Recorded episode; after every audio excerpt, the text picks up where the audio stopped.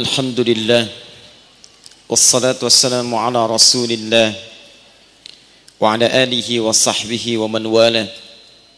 أما بعد فيا عباد الله أوصي نفسي وإياكم بتقوى الله فقد فاز المتقون فلا تموتن إلا وأنتم مسلمون. فقال تعالى يا أيها الذين آمنوا اتقوا الله حق تقاته. ولا تموتن إلا وأنتم مسلمون. اللهم تقبل منا إنك أنت السميع العليم.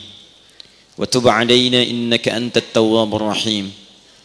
اللهم تبنا إليك يا أرحم الراحمين. فاغفر لنا ذنوبنا يا أرحم الراحمين.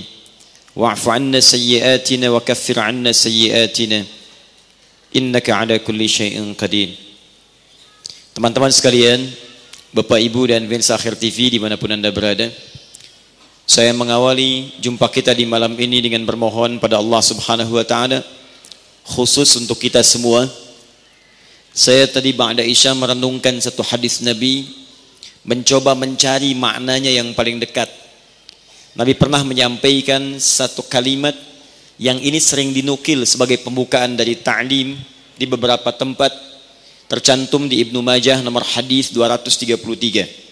Rawinya sahabat Abu Darda radhiyallahu taala anhu haddatsana qala qala Rasulullah sallallahu alaihi wasallam man salaka tariqa yaltamisu fihi ilma sahhala Allah lahu tariqan ila al-jannah wa innal malaikata la tad'u ajnihataha ridan li talibil ilmi Nabi menyampaikan man salaka tariqan yaltamisu fihi ilma.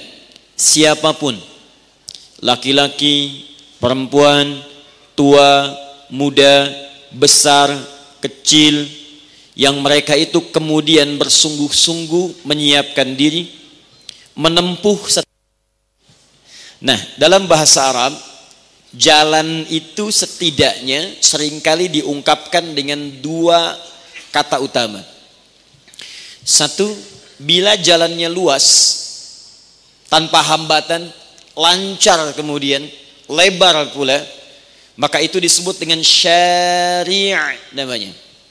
Jamaknya syawari' syari' Anda kalau haji atau umrah ada tempat yang sangat populer namanya syari' sittin. Ya, syari' Saya tuliskan demikian. Jalannya lebar nyaris tanpa hambatan mudah dilalui syariah. Tapi kalau jalannya dia sempit kadang berliku tidak mudah dilalui. Bisa jadi memang jalannya kecil atau memang jalannya lebar tapi karena kepadatan tertentu sulit untuk dilalui. Jalannya berliku kadang berkelok kadang celah-celahnya tidak mudah untuk dilalui maka ini secara mudah dilukiskan dalam bahasa Arab itu dengan nama tariq namanya. Tariqun. Seperti ini. Nabi menyampaikan siapa yang menyiapkan dirinya kemudian dia serius menempuh jalan sekalipun itu mungkin tidak mudah jalannya Jalannya berliku, kadang-kadang sempit, kadang tidak mudah menembus celahnya. Tapi dia mencoba kemudian untuk bisa menembus itu semua demi satu tujuan, tidak ada yang lain. Yaitu demi berupaya memperdalam pengetahuannya. Dia datang untuk mendekat kepada Allah Subhanahu wa taala untuk merubah dirinya supaya dekat dengan Allah, mengenal dekat dengan Rasulullah. Yaltamisu fihi ilma. Tujuannya cuma satu, saya pengen belajar, pengen belajar, pengen belajar demi lebih baik di hadapan Allah Subhanahu wa taala. Maka orang seperti ini kata Nabi, setiap lelahnya, setiap keringatnya, setiap keluhnya, setiap sulitnya dalam menempuh jalan itu akan diganti oleh Allah Subhanahu wa taala untuk meringankan langkahnya ke surga. Jadi semua kesulitannya saat dia tempuh menuntut ilmu itu saat di dunia itu akan diganti oleh Allah. Pada saat semua orang kesulitan saat dihisab, pada saat semua orang menegangkan untuk mendapatkan bagian dari kitabnya, maka orang-orang ini akan dijamin melalui lisan Nabi, akan dimudahkan oleh Allah untuk ringan langkahnya menuju surga Allah Subhanahu wa taala. Saya Ba'da Isa merenung dan bermohon kepada Allah. Saya pikir Nabi menyampaikan 15 abad dulu. Seperti apa kira-kira orang bermacet? Sulit, tempuh jalan, ada berdesakan, tidak mudah. Sholat kadang mesti beberapa shift. Lalu malam ini saya saksikan dan saya bermohon kepada Allah, ya Allah, mungkin inilah umat Nabi Muhammad sallallahu alaihi wasallam yang dimaksudkan untuk engkau ringankan ke surganya Allah Subhanahu wa taala.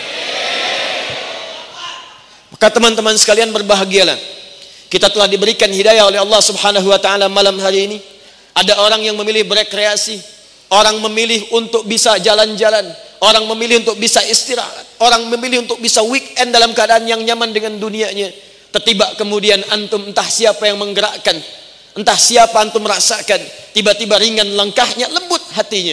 Kalau bukan Allah Subhanahu wa taala yang kemudian menggerakkan kita semua, mustahil kita berkumpul di sini. Mudah-mudahan Rencana kita menginginkan memulai ba'da maghrib dan Allah berkehendak ba'da isya. Dengan demikian semoga satu jam yang telah kita lalui itu walaupun tidak kita lihat ada apa-apa di hadapan kita tapi bagi Allah mungkin itulah rahmat yang diturunkan sepanjang kita telah lalui itu. Ya. Karena itu mari kita coba mulai bahasan kita dengan mengikhlaskan diri kepada Allah Subhanahu wa taala sehingga semua apa yang kita pelajari mudah didapatkan, mudah dipahami dan insya Allah mudah diamalkan dalam kehidupan harian kita. Siap insya Allah? Baik, mari kita mulai bahasan kali ini. Bahasannya spesial, banyak dibutuhkan kekinian dan juga menjadi bagian yang tak terpisahkan dalam hidup kita, yaitu tentang hakikat doa dalam Al-Quran dan Sunnah Rasulullah Sallallahu Alaihi Wasallam. Kita akan bagi beberapa pembahasan. Pertama, kita mesti tahu kenapa kita mesti berdoa. Satu. Kedua, apa saja jenis-jenis doa yang termaktub dalam Al-Quran? Ada berapa jenis doa itu sifatnya? Sehingga kita bisa menempatkan diri kemudian ketika kita memilih untuk bermohon, antum berada di jenis yang mana? Ketiga, bagaimana kemudian cara mempercepat doa ketika kita bermohon kepada Allah Subhanahu wa taala? Awas hati-hati, kalau antum berada di jenis yang pertama Bagaimana cara cepat bermohon supaya segera dikabulkan? Kalau Anda berada di jenis yang selanjutnya, bagaimana cara Anda bermohon supaya segera dikabulkan? Yang sekali terjadi, kadang-kadang ada yang tertukar. Berdoa di sisi yang satu, tapi sesungguhnya yang dia butuhkan di sisi yang kedua. Karena itu kita coba turunkan seperti apa gambaran yang nanti terungkap dalam Al-Quran dan bagaimana cara Allah mengabulkan baik di masa lalu, masa yang akan datang, atau kini yang sedang kita lalui.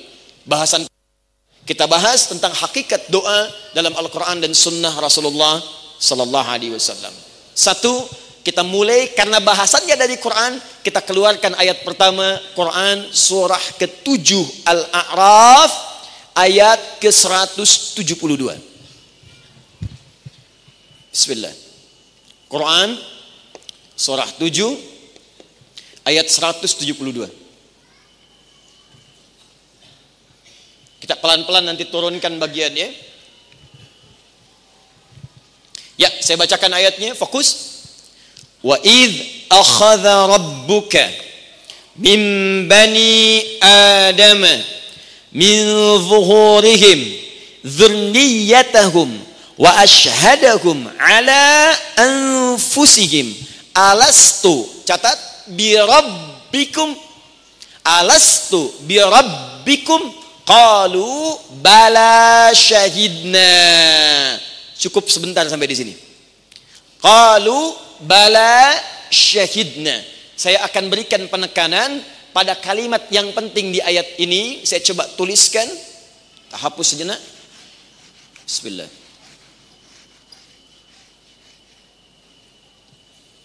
Perhatikan baik-baik. Alastu bi rabbikum saya tuliskan alastu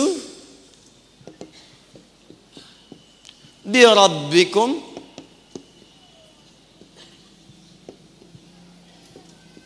saya garisi kemudian dijawab oleh kita semua qalu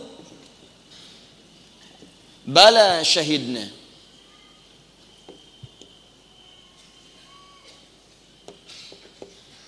Baik. Perhatikan baik-baik. Wa id akhadha rabbuka min bani Adam.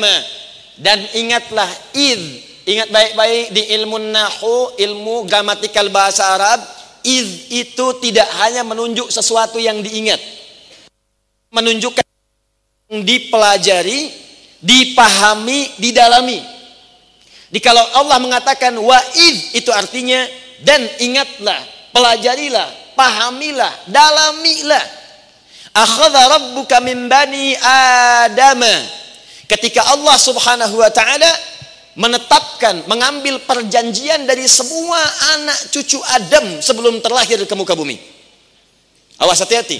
Min zuhurihim dzurriyyatahum. Sejak berada dalam kandungan ibundanya, maka Allah kemudian mengambil perjanjian dengan semua anak cucu Adam sebelum lahir ke muka bumi. Ini disebutkan dalam hadis nanti isyaratnya, ya. Anda paling mudah dapatkan di An-Nawawi, hadis Al-Arba'in Imam An-Nawawi, ya rahimahullah, hadis nomor yang keempat ya dari Abdullah bin Mas'ud radhiyallahu taala anhu. Dalam usia kandungan empat bulan saat roh itu ditiupkan maka terjadilah kemudian perjanjian ini. Kalau kita bacakan hadisnya ya an Abdirah, Abi Abdurrahmani Abdullah bin Mas'ud radhiyallahu taala anhu. Ya hadis diriwayatkan oleh sahabat Abdullah bin Mas'ud semoga Allah meridai kepada beliau. Qala qala Rasulullah sallallahu alaihi wasallam wa huwa shadiqul masduq Beliau menyampaikan, Nabi pernah mengatakan, menyampaikan berita, sedangkan beliau orang yang benar dan dibenarkan oleh orang lain. Ingat rumusnya ya, Nabi itu orang yang selalu benar dan dibenarkan oleh orang lain. Ini kelebihan Nabi Muhammad Wasallam. Jadi kalau beliau menyampaikan sesuatu, selalu benar dan uniknya orang lain membenarkan. Bukan cuma kawannya, lawannya pun mengakuinya. Nah, ini sifat yang mulia. Ada orang menyampaikan kebenaran, kata-katanya benar, tapi orang lain tidak mengakui. Nabi tidak. Nah, kalau di ilmu hadis Anda temukan kalimat ini, kalimat as-sadiqul mas orangnya benar dan dibenarkan, ini menunjukkan informasi yang disampaikan bukan informasi biasa. Sesuatu yang gaib yang kadang-kadang belum kita ketahui seketika. Maka ada kalimat pembuka seperti ini seakan-akan ingin mengatakan begini, Sepanjang yang Nabi sampaikan itu apa pun bentuknya, maka Anda harus langsung benarkan. Karena beliau ini jangankan orang kawannya, lawannya pun ketika bicara langsung dibenarkan oleh mereka. Paham? Di kalau Abu Hal, Abu Lahab dan Abu-Abu yang lainnya itu membenarkan kalimat Nabi, maka kita yang beriman otomatis harus lebih daripada mereka. Di Abu Jahal itu sebetulnya mengakui Nabi itu orang jujur orang benar. Cuman karena takut kedudukannya kemudian digantikan oleh Nabi, maka muncullah pengingkarannya kepada Nabi Sallallahu Alaihi Wasallam. Jelas? Inna ahadakum, saya agak cepat. Setiap kalian yujma'u fi batni ummihi akan berproses sebelum dilahirkan dalam perut ibundanya. Maka yang pertama, perhatikan baik-baik. Arba'ina yauman nutfah, 40 hari pertama dikandung di perut ibundanya, itu baru berbentuk nutfah percampuran antara spermatozoa dengan ovum. Thumma yakunu mithla dalika alaqah. 40 hari yang kedua berbentuk alaqah, zigot yang mulai menempel di dinding rahim. Thumma yakunu mithla dalika mudirah. 40 hari yang ketiga usia 4 bulan, 120 hari, maka dia mulai berbentuk mudirah, daging keratan yang mulai ada bentuknya. Thumma yursalu ilaihil malak. Maka usia 4 bulan itu diutuslah malaikat. Awas. Fayanfukhu fihi ruh maka ditugaskan oleh Allah untuk meniupkan roh. Karena itu usia empat bulan seorang yang tengah mengandung, kemudian kandungan usia empat bulan, maka itu hati-hati tolong catat betul, itu menandakan bahwa rohnya telah tertanam dalam janinnya. Roh sudah masuk. Nah ketika roh sudah masuk ini, wayu marubikat arba'in, maka diperintahkan untuk menetapkan empat hal.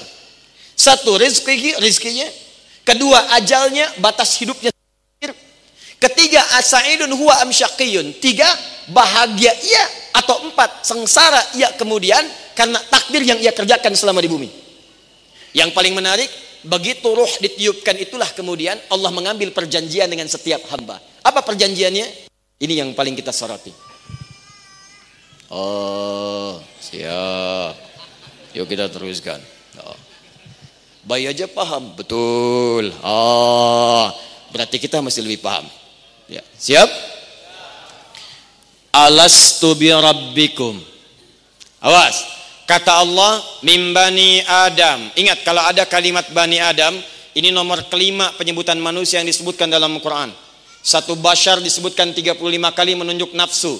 Dua insan disebutkan 65 kali dalam Al-Quran menunjuk aktivitas kita. Di kalau antum disebut dengan nama insan, ini menunjukkan aktivitas apa yang harus kita kerjakan selama hidup di bumi. Kalau baca Quran bertemu itu, lihat antum harus kerjakan apa dari bangun tidur sampai tidur lagi. Yang ketiga ada yang disebut dengan ins, disandingkan dengan jin 18 kali pasangannya disebutkan dalam Al-Qur'an untuk menunjuk sifat kelembutan dan sifat kehadirannya di bumi. Yang keempat ada disebut dengan nas, an-nas disebutkan kurang lebih 241 kali dalam Al-Qur'an untuk menunjuk sifat sosial yang manusia itu mustahil bisa hidup sendirian. Yang kelima disebut dengan Bani Adam. Bani Adam tujuh kali disebutkan dalam Al-Quran untuk menunjuk asal keturunan kita bersumber dari Adam alaihissalam. Jadi kalau disebutkan Bani Adam itu artinya semua manusia dari sejak Adam turun ke bumi melahirkan keturunan sampai keturunan terakhir di bumi. Artinya apa? Semua yang namanya manusia, anak cucu Adam sampai kehidupan berakhir akan mengalami proses ini. Apa proses yang dimaksudkan? Alastu bi rabbikum. Kata Allah, saya akan mengambil perjanjian dengan kalian pada saat ini. Apakah kalian siap menjadikan saya sebagai Rabb kalian? Tahan. Allah punya berapa nama? Allah punya berapa nama? Disebut dengan apa? Tahu dari mana? Tahu dari wallahu alam. Baik. Quran surah ke-17 ayat 110 paling kanan sebelah atas. Ya, Al-Isra ayat 110. Qulid Allah awid ar-Rahman ayyamma tad'u falahul asmaul husna. Sedang punya persoalan apa pun maka sebut Allah panggil mohon atau sebut namanya Ar-Rahman atau pilih nama-nama terbaik sesuai dengan kebutuhan kita. Allah punya nama-nama terbaik sesuai dengan kebutuhan kita disebut Al-Asmaul Husna ada Ar-Rahman, ada Ar-Rahim, ada Al-Malik, ada Al-Quddus, eh, ada Rab, ada As-Sabr, ada Al-Alim. Pertanyaannya, kenapa di ayat ini yang dipilih kalimatnya oleh Allah menggunakan kata Rob? Kenapa Allah tidak mengatakan alastu bi ilahikum? Alastu bi rahimikum, alastu bi malikikum dipilih di ayat ini menggunakan kalimat alastu bi rabbikum. Ini rahasia terbesarnya sebelum masuk pada pembahasan. Teman-teman, kata Rabb itu itu terambil dari satu sifat yang disebut dengan rububiyah. Rabba, ya Rabbu, tarbiyatan wa rububiyatan. Tidak disebutkan dalam bahasa Arab sifat yang terkait dengan nama rububiyah kecuali mencakup semua jenis perhatian yang mungkin diberikan. Di kalau misalnya ada yang sakit disembuhkan, masuk sifat rububiyah. Ada yang susah dimudahkan. Ada yang butuh diberikan. Ada yang ingin disampaikan. Di semua apa yang dibutuhkan dipenuhi. Maka itu yang disebut dengan sifat rububiyah. Kalau sifatnya terbatas dengan batasan tertentu, bisa ngasih sekarang, nanti belum tentu. Misal, orang tua saat Anda sekolah dicarikan kemudian biayanya, diberikan kemudian kebutuhannya. Tapi begitu wafat, hilang semua pemberiannya. Pemberian sifat rububiyah yang terbatas keadaannya, terbatas waktunya, maka sosok yang memberikan itu disebut saya ulang, sosok yang memberikan disebut dengan murabbi Murabbi itu orang yang memberikan perhatian pada orang yang dirawatnya, tapi perhatiannya sifatnya terbatas. Karena tidak memberi, bisa memberikan yang sifatnya abadi. Jadi bisa dibatasi dengan waktu, dengan keadaan, dengan batas hidup, dan lain sebagainya. Maka dia disebut dengan apa namanya? Tapi kalau sifat perhatian itu tidak punya batas.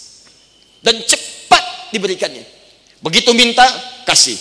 Butuh, diberi. Sulit, mudah ingin diberikan. Maka rubah kalimatnya kemudian menjadi Rob. Rob. Rob. Di sejak kita dalam kandungan ibunda kita usia empat bulan roh sudah masuk. Allah menyampaikan tawaran kepada kita untuk berkomitmen kepada Allah. Perhatikan kalimatnya. Alastu bi rabbikum kata Allah hei apakah kamu siap menjadikan saya sebagai Tuhan yang kamu sembah dan dengan itu saya akan penuhi semua kebutuhanmu. Kalau kamu minta, saya ber Kamu sakit, saya sembuhkan. Kamu butuh, saya anugerahkan. Kamu ingin saya persembahkan. Kamu ingin rezeki, saya tampilkan. Kamu sakit, saya sembuhkan. Kamu salah, saya maafkan. Kamu dosa, saya ampuni. Saya mau tanya nih pada antum semua ya. Maaf sekali. Ada yang menawarkan kepada antum, eh, mau nggak antum ikut saya? Nanti semua biaya saya tanggung. Kalau pengen haji, saya berikan. Kalau pengen umrah, saya fasilitasi. Pengen nikah, saya fasilitasi. Pilih perempuan paling cantik di muka bumi. Saya fasilitasi sepanjang dia mau menikah dengan kamu. Ya kan? Misal gitu kan. Kadang-kadang ada yang begitu. Ya, khutbah nikah, khatibnya siap. Tempatnya ready. Maharnya oke. Okay. Saksi siap. Cuman calon belum ada. Semua kamu akan saya permudah.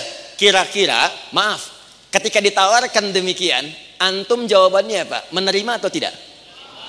Terima. Menerimanya penuh dengan pertimbangan atau segera diterima tanpa alasan? Segera diterima. Baik, siap, saya terima. Maka dalam bahasa Arab, jika antum menerima sesuatu tanpa pertimbangan apa pun lagi karena kenikmatannya, maka kalimatnya menggunakan kata bala. Bala. Awas, cuman sekali, bukan bala-bala. Bala. Kalau antum sebutkan, iya, tapi masih mikir. Iya enggak ya? Iya, tapi masih ada pertimbangan. Direktur mengatakan, eh kamu ke sini, karyawan datang, siap, iya, naam. Naam, di lisannya mengatakan iya, di pikirannya baru tadi dipanggil, sekarang dipanggil lagi. Jika kalimatnya mengatakan iya, siap, tapi penuh dengan pertimbangan dan pikiran, maka kalimatnya bisa menggunakan naam atau hadir.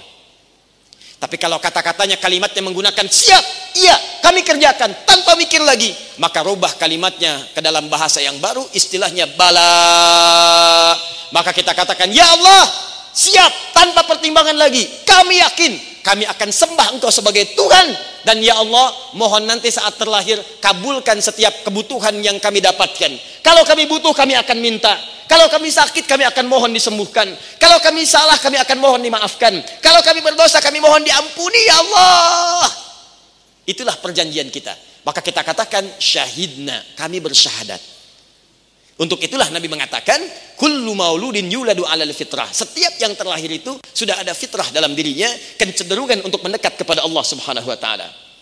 Nah, apa poin dengan pembahasan kita pada malam hari ini? Kaitan adalah nama ini akan terkait erat dengan saat kita membutuhkan sesuatu kalau bermohon kepada Allah Subhanahu wa taala. Maka konsekuensinya satu karena Allah mengatakan Rabbun saya Rabb, saya akan bantu kamu. Saya kabulkan apa pun yang kamu mohonkan. Karena bahasanya saya penuhi semua yang kamu butuhkan, maka akan terjadi konsekuensinya kehidupan kita di bumi, kejadian-kejadian yang menuntut kita untuk bermohon kepada Allah Subhanahu wa taala. Kejadian ini Allah tetapkan untuk membuktikan bahwa janji Allah itu benar. Dan itu akan otomatis begitu antum butuh sesuatu, maka di lisan antum fitrahnya akan membimbing untuk memohon kepada Allah Subhanahu wa taala. Bahkan antum akan sebutkan dengan namanya. Perhatikan, bukankah saat Anda meminta kepada Allah Anda sering menggunakan kalimat Rabb? Pengen minta bagus dunia, bagus akhirat, dibebaskan dari neraka. Bahasa Arabnya, Rabbana atina fid dunya wa fil akhirati wa qina Bukankah dimulai dengan kata-kata Rabb? Ketika kita berbuat salah misalnya, kita ingin tobat, turun misalnya gambaran Quran surah ke-7 ayat 23. Rabbana zalamna an wa illam taghfir minal Bukankah dimulai dengan kata Rabb? Begitu antum ingin memohon kebaikan untuk orang tua, ampuni saya, ampuni kedua orang tua. Rabbil firli waliwa warhamhuma kama Rabb sahih Ketika antum ingin memohon kepada Allah, ringankan beban hidup kami ya Allah. Maafkan kesalahan kami ya Allah. Jangan berikan beban kepada kami yang tidak sanggup kami pikul ya Allah. Maka antum sebutkan nama ini. La yukallifullahu nafsan illa laha ma kasabat wa 'alaiha mak Rabbana Rabbana la tu'na au Rabbana wa la tahmil 'alaina isran kama hamaltahu 'ala alladhina min Rabbana wa la tuhammilna ma la taqata lana bi Rabb Rabb Rabb Rabb Rabb Seakan-akan antum katakan, Ya Allah, bukankah dulu engkau berjanji kalau saya sedang sulit, engkau akan kemudian berikan kemudahan. Ya Allah, saya sekarang sedang sakit, engkau akan sembuhkan. Maka secara otomatis kejadian-kejadian yang kita alami dalam hidup itu, siapa pun Anda, demi Allah saya katakan, apakah Anda orang paling tinggi jabatannya? orang paling kaya, atau orang paling apa pun di muka bumi, maka selama hidup itu akan dipaksa melalui alur hidup kita mendapatkan sebuah kejadian untuk kita memanggil kepada Allah Subhanahu wa taala. Apakah saat akun Anda di Facebook ya uh, ditutup? Daripada Anda marah-marah, datangin nuntut satu triliun. Oh, misalnya lebih baik Anda bermohon kebaikan kepada Allah. Anda kena tilang, begini, begini, begini. Daripada Anda banting-banting motor, minta. Karena kita pasti akan mengalami kejadian-kejadian yang lisan kita otomatis minta. Dan itu akan dipaksa itu. Pada akhirnya akan mengalami situasi itu. Bahkan sekalipun Anda di puncak yang tertinggi, pasti Anda akan butuh itu. Amin, amin, amin. Eh salah, ini saya. Alihkan lagi. Alihkan lagi. Gak apa-apa, minta, minta, minta, minta. Begitu kita kurang, minta lagi. Begitu keliru, arahkan pada yang benar. Begitu benar, kita kuatkan. Tidak ada masalah. Tapi poinnya adalah kita pasti akan melalui sebuah kejadian yang di situ kita akan memohon kepada Allah. Nah, permohonan itulah saat dipanjatkan kepada Allah itu yang disebut dengan doa namanya. Doa. Permohonan yang dimintakan kepada Allah Subhanahu wa taala dalam satu kejadian tertentu untuk bisa dikabulkan oleh Allah sebagai pembuktian dari janji Allah saat disampaikan sejak kita dalam kandungan. Jadi doa ini dibuat oleh Allah bukan sekadar ingin mengabulkan permintaan kita, tapi untuk menepati janji Allah. Saya berjanji sama kamu untuk membuktikan janji itu, maka kita menghadapi kehidupan-kehidupan dengan hidup itulah kemudian Allah buktikan janjinya. Nih, di saat kamu dalam kandungan, saya berjanji kepadamu akan memudahkan hidupmu. Sekarang kamu punya masalah, saya buktikan janji saya. Sekarang saya tuntut dari itu semua. Bagaimana dengan janjimu untuk menuhankan saya? Makanya ketika ada orang yang kemudian ditepati janjinya oleh Allah di bumi, tapi dia tidak menepati janjinya kepada Allah untuk menyembahnya, maka dia akan punya persoalan dengan Allah saat dia meninggalkan bumi ini. Paham sampai sini? Kalau sudah paham, sekarang kita masuk kepada inti bahasannya. Bagaimana cara kita berdoa itu? Ada berapa jenisnya? Seperti apa caranya? Dan bagaimana konsekuensinya? Inilah inti bahasan kita pada malam hari ini. Mudah-mudahan sisa waktunya cukup untuk menguraikan itu semua insya Allah. Baik, jadi tadi baru mukadimah, sekarang kita baru mulai intinya. Ya. Sampai jam berapa kita insya Allah? Siap. Ya, siap. Jam 9 saya selesai. Antum silahkan. Ya. Ya apa sih yang tidak saya bisa berikan untuk antum ya? Baik ngapus ya hapus. Tulis ya tulis tuh kan. Datang sendiri udah macet udah desak-desakan. Nyampe sini ngapus juga. Udah luar biasa.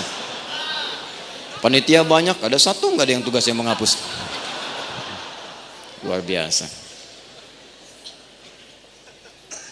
Alhamdulillah. Kadang-kadang gelasnya aja airnya kosong deh. Dah yuk kita mulai. Fokus ya.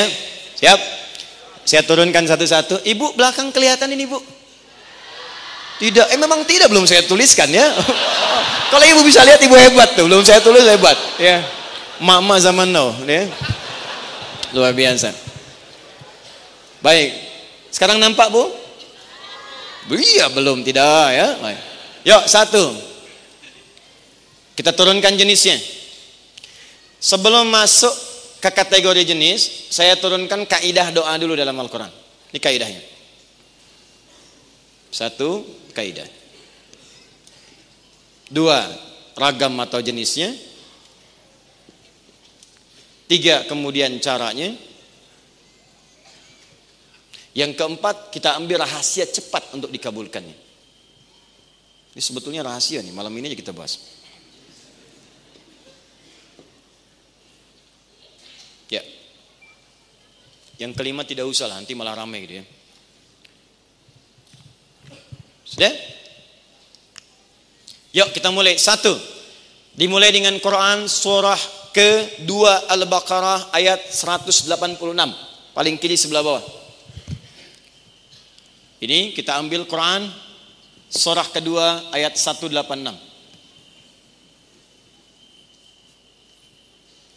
Sebelumnya supaya bahasanya witir, ganjil, Saya tambah dengan lima deh yang terakhir. Satu, dua, tiga, empat, lima. Konsekuensi orang yang tidak pernah mau berdoa. Konsekuensi orang anti doa. Yuk kita mulai. Wa idza sa'alaka ibadi anni fa inni qarib. Ujibu da'watad da'i idza da'an. Falyastajibu li wal yu'minu bi la'allahum yarshudun. Ini setidaknya sampai kepada empat poin ayat ini mewakili. Saya coba potong di awalnya dulu untuk menerangkan bagian pertama. Perhatikan baik-baik kalimatnya. Wa idza sa'alaka ibadi Muhammad jika hambaku bertanya kepadamu mencari-cari aku ingin mendekat kepadaku ah lihat kaidahnya Muhammad sallallahu alaihi wasallam jika nanti ada hamba-hambaku bertanya kepadamu ingin mendekat kepadaku fa inni qarib maka berikan harapan kepadanya dengan dalam jangan dipersulit Sampaikan kepadanya jangan banyak mencari karena Allah sudah dekat dengan kita. Ini secara psikologis jawaban begini itu memberikan ketenangan. Sama dengan tadi misalnya, antum datang ke pengajian, ada yang dari zuhur, ada yang dari asar, ada yang dekat maghrib. Ustadz belum sampai, sudah adzan maghrib, sholat belum datang juga. Bertanyalah antum ke panitia, sebetulnya di mana posisi ustadz? Apakah kanan atas, kiri bawah, agak tengah dikit atau di mana? Kan? Maka panitia menjawab yang pertama misalnya, satu panitia katakan, aduh belum ada info. Dua, panitia menyebutkan, tenang aja pak, udah dekat, gak usah difikirkan. Toh bapak pikirkan juga tidak menjadikan ustadz ada di sini. Ya, yang penting jangan difikirkan, sudah dekat. Kira-kira tenang mana? Satu apa dua? Oh. Jadi, udah, udah, udah. Saya banyak repot nih gara-gara begini nih. Dah. Yo nyambung dulu dah, ya. Yang itu belakangan, ya. Sudah. Taklim saat ini, taklim itu nomor satu. Ya, yang lainnya ya terus lah. Ya. Dah, lihat sini. Maka ketika Anda katakan, tenang, Ustadz ada, gak usah banyak difikirkan, sudah dekat. Maka secara psikologis itu memberikan harapan kepada diri yang menenangkan. Tenang keadaan kita, oh sudah dekat. Beda ketika Anda mengatakan, aduh kayaknya susah nih. Wah kondisinya sulit, terjebak dengan macet, sulit, nggak tahu sampainya kapan. Maka setidaknya itu akan memberikan kegelisahan pada hati anda.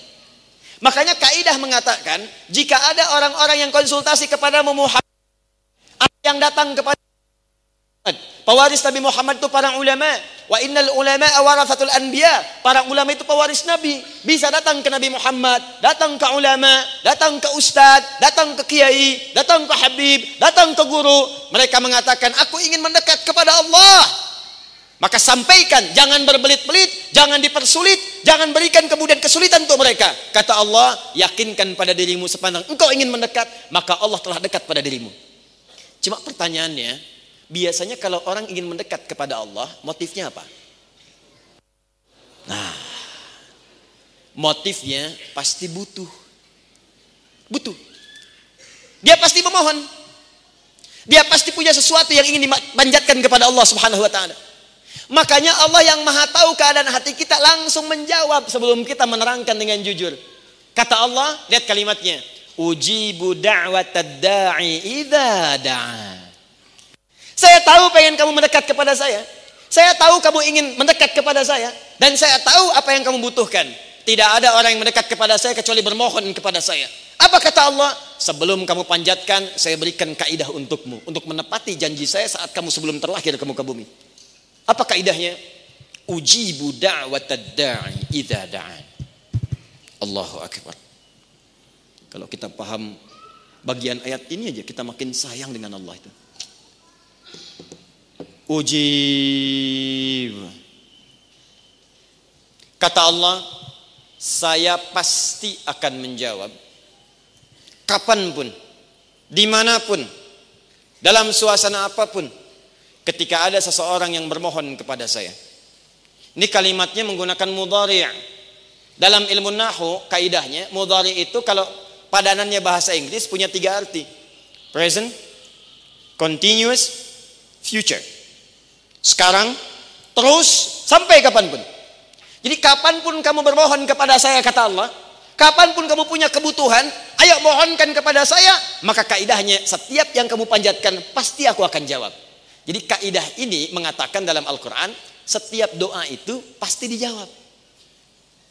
Kaidah pertama, setiap doa yang dipanjatkan pasti akan dijawab. Mau Anda minta sekarang? Mau Anda minta nanti?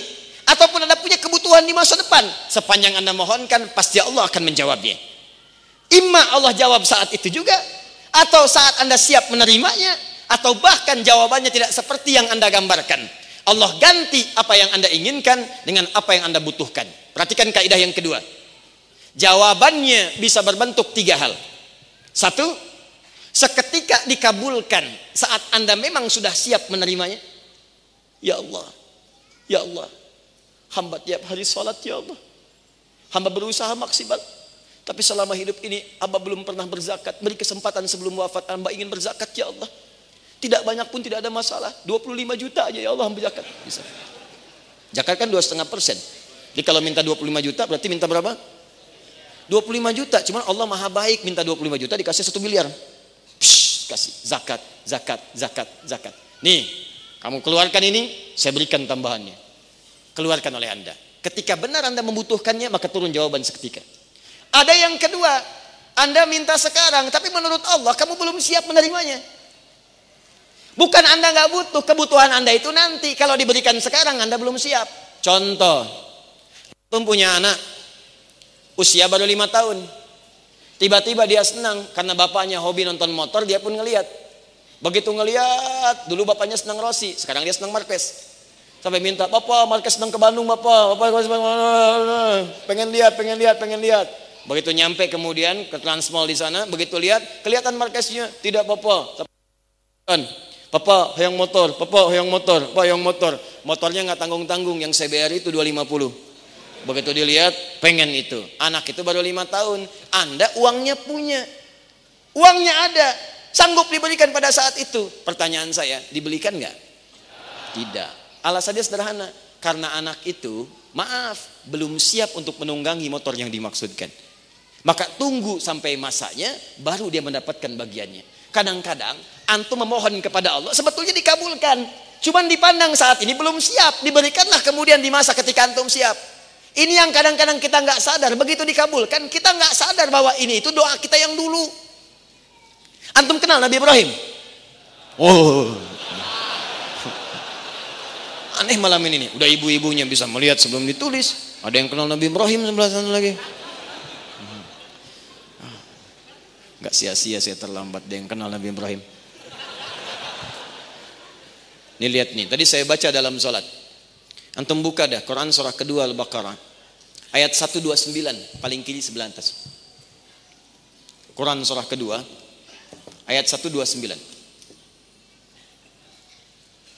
Rabbana wab'ath fihim rasulan minhum yatlu alaihim ayatika wa yu'allimuhumul kitab wal hikmah wa yuzakkihim innaka antal azizul hakim. Rahim dengan Nabi Ismail alaihi wassalam dua-duanya sangat dekat dengan Allah. Yang satu gelarnya Khalilullah saking dekatnya dengan Allah. Yang kedua gelarnya Zabihullah saking disayangnya oleh Allah. Gelarnya Nabi Ibrahim Abul Anbiya demikian Nabi Ismail menurunkan keturunan-keturunan ke bawahnya Nabi semuanya. Dari Sayyidah Sarah melahirkan Ishak dari Ishak melahirkan Yakub. Dari Yakub turun Yusuf. Yusuf nanti turun ke bawah ada Musa, Daud, Sulaiman, sampai ada keturunan ke Imran, menikah dengan Hanna, melahirkan Maryam, dari Maryam turun Isa, garis kanannya kemudian Nabi Zakaria. Ada semuanya orang-orang baik. Garis kirinya dari Sayyidah Hajar, istri yang keduanya, melahirkan Maryam, melahirkan Ismail. Dari Ismail turun Nabi Muhammad sallallahu alaihi wasallam. Keturunan ke-29-nya. Muhammad sallallahu alaihi wasallam bin Abdullah bin Abdul Muttalib bin Hashim bin Abdul Manaf bin Qusay bin Murrah bin Kilab bin Ka'ab bin Ghalib bin Fihr bin Malik bin Nadar bin Kinana bin Khuzaimah bin Mudrika bin Ilyas alaihi salam bin Nizar bin Mudar bin Ma'ad bin Adnan bin Adri bin Adri bin Muqawwam bin Nahur bin Tarih bin Ya'rub bin Yasjub bin Nabit bin Ismail alaihi salam. Keturunan ke-29? Ayo ulangi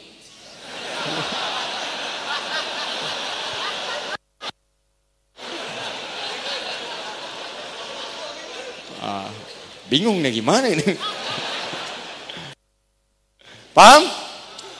Itu dua-duanya saya mau katakan dua-duanya orang mulia, dekat dengan Allah, statusnya nabi, rasul, dijamin surga, bebas dari kesalahan. Dari dua keturunannya mulia semua, nabi, rasul, nabi, rasul, nabi, rasul. Tiba-tiba bermohon kepada Allah. Pertanyaannya, saat meminta itu, apakah langsung dikabulkan? Sebentar dulu, tidak.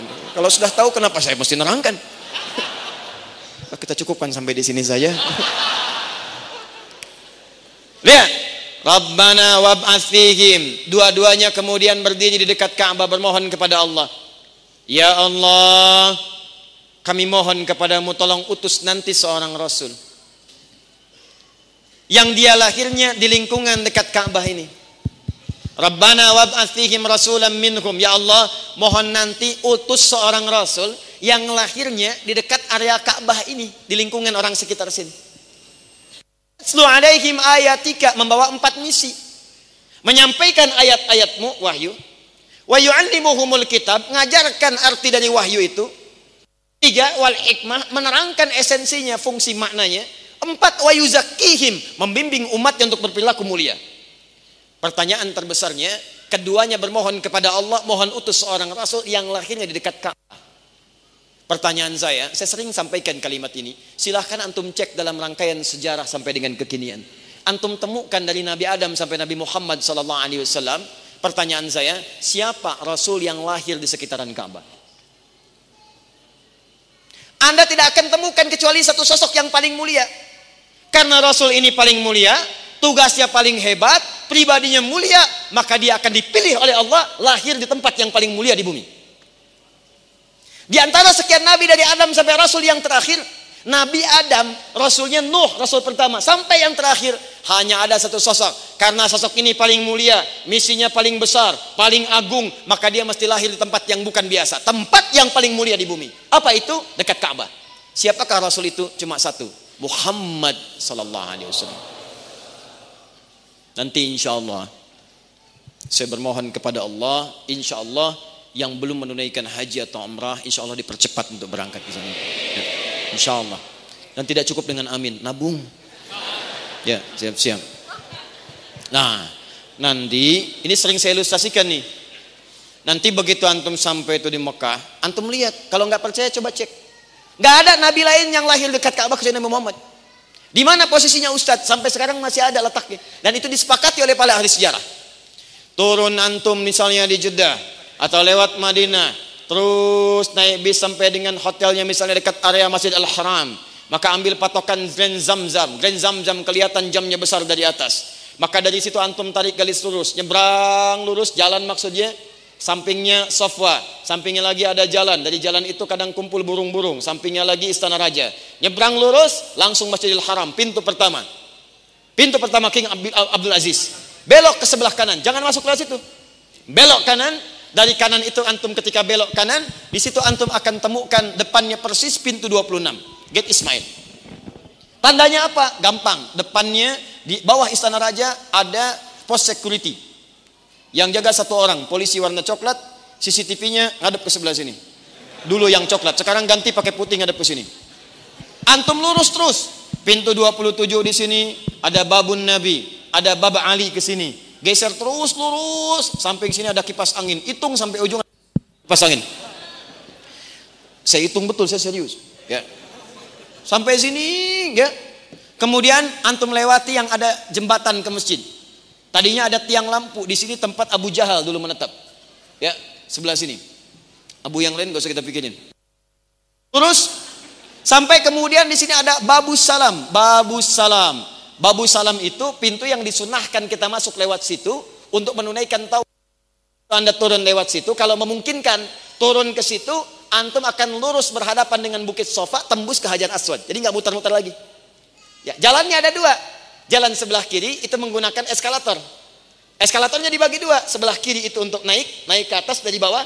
Di situ sampingnya ada kursi warna merah yang jaga seorang yang gemuk kemudian menggunakan uh, apa jubah warna putih. Sampingnya lagi untuk turun ke bawah, sampingnya lagi tangga yang tidak menggunakan eskalator. Jadi antum tinggal pilih ke bawah. Tarik garis lurus lewat situ. Begitu tarik garis lurus sekitar 100 meter, maka antum akan temukan bangunan warna krem. Tertulis Maktabah Makkah Al-Mukarramah. Perpustakaan Mekah, perpustakaan Mekah. Maka di situlah kemudian antum akan temukan itu tempat yang sekarang disamarkan menjadi perpustakaan, itulah tempat kelahiran Nabi Shallallahu Alaihi Wasallam. Di sampingnya tempat ngambil air zam-zam. Langsung menggunakan keran. Kerannya pakai selang. Jadi kalau antum ingin ngambil air zam-zam dengan volume yang banyak, jangan ngambil di tempat-tempat orang bagian minum. Antum bawa jerigen, orang udah nungguin pakai jerigen begini, gitu kan? Orang susah mau minum, pindah ke tempat ini, bebas. Nggak ada jerigennya. Samping ini ada orang Taif jualan jerigen. Jerigen kecil harganya 5 real. Jerigen besar harganya 10 real. Sekarang naik 5 real, jadi 15 real. Nah, ini tempat lainnya Nabi. Dan di situ ada tandanya, ada penjelasannya. Nah, kadangkala banyak orang yang keliru. Apa kelirunya? Maaf, saking cintanya dengan Nabi karena tanpa ilmu jadi salah ibadahnya. Kiblatnya jelas sebelah sini. Eh, sholat menghadap ke sini. Ada yang sholat, ada yang mengeluarkan baju, ada yang nempel-nempel ke tembok. Akhirnya dibuatlah pengumuman di samping tembok itu. Ada tulisan, ada yang ruku, ada yang sujud dicoret begini. Tek, ada tulisan di sampingnya. Jangan lakukan ini. Ini tidak dibenarkan dalam syariat. Kiblatnya ada di belakang. Kalau sholat menghadaplah ke arah kiblat ke Ka'bah. Ditulis kemudian pakai bahasa Arab, pakai bahasa Inggris, pakai bahasa Urdu, pakai bahasa Indonesia. Artinya ada orang Indonesia juga yang salah pada saat itu. Ya. Kalau tidak mustahil kemudian ditulis dengan bahasa Indonesia. Ah, baik. Jelas? Yang mau saya sampaikan, Nabi Ibrahim, Nabi Ismail berdoa. Doanya baru dikabulkan oleh Allah bukan seketika. Minta ya Allah tolong lahirkan seorang nabi, utus seorang rasul, lahirnya dekat Ka'bah. Cuman satu yang lahir dekat Ka'bah. Siapa? Nabi Muhammad sallallahu alaihi wasallam. Tadi telah saya sebutkan nasabnya. Dari Nabi Muhammad ke Nabi Ismail sampai ke Nabi Ibrahim. Ada 30 generasi. Setiap generasi ribuan tahun. Nabi Musa aja ke Nabi Muhammad 2000 tahun. Nabi Isa ke Nabi Muhammad 600 tahun. Apalagi ke Nabi Ibrahim. Anda kebayang nggak? Nabi Ibrahim, Nabi Ismail, dua nabi, dua rasul, ahli surga, dekat dengan Allah, dijaga dari salah, surga terjamin tingkat tinggi, berdoa dikabulkan beberapa ribu tahun setelahnya. Apakah beliau mengeluh? Tidak. Ya Allah, kenapa engkau tidak kabulkan? Aku kan nabi ya Allah. Aku kan rasul. Aku kan khalilullah. Bikin status kemudian. Uh, nabi pun tidak dikabulkan. Oh, tidak. Ini Nabi, Rasul, dekat dengan Allah, ahli surga. Dijaga dari maksiat, jaminan surga tingkat tinggi, nggak ada hisap, berdoa, belum dikabulkan saat itu, sampai wafat belum terkabul, baru ribuan tahun dikabulkan, nggak pernah mengeluh. Antum siapa? Nabi bukan, Rasul bukan, surga belum jelas, amalan berantakan, hisap menegangkan, baru dikasih persoalan sedikit dan antum masih hidup, masih mengeluh. Ya Allah kenapa belum dikabulkan juga? Padahal sudah saya tuntut satu triliun.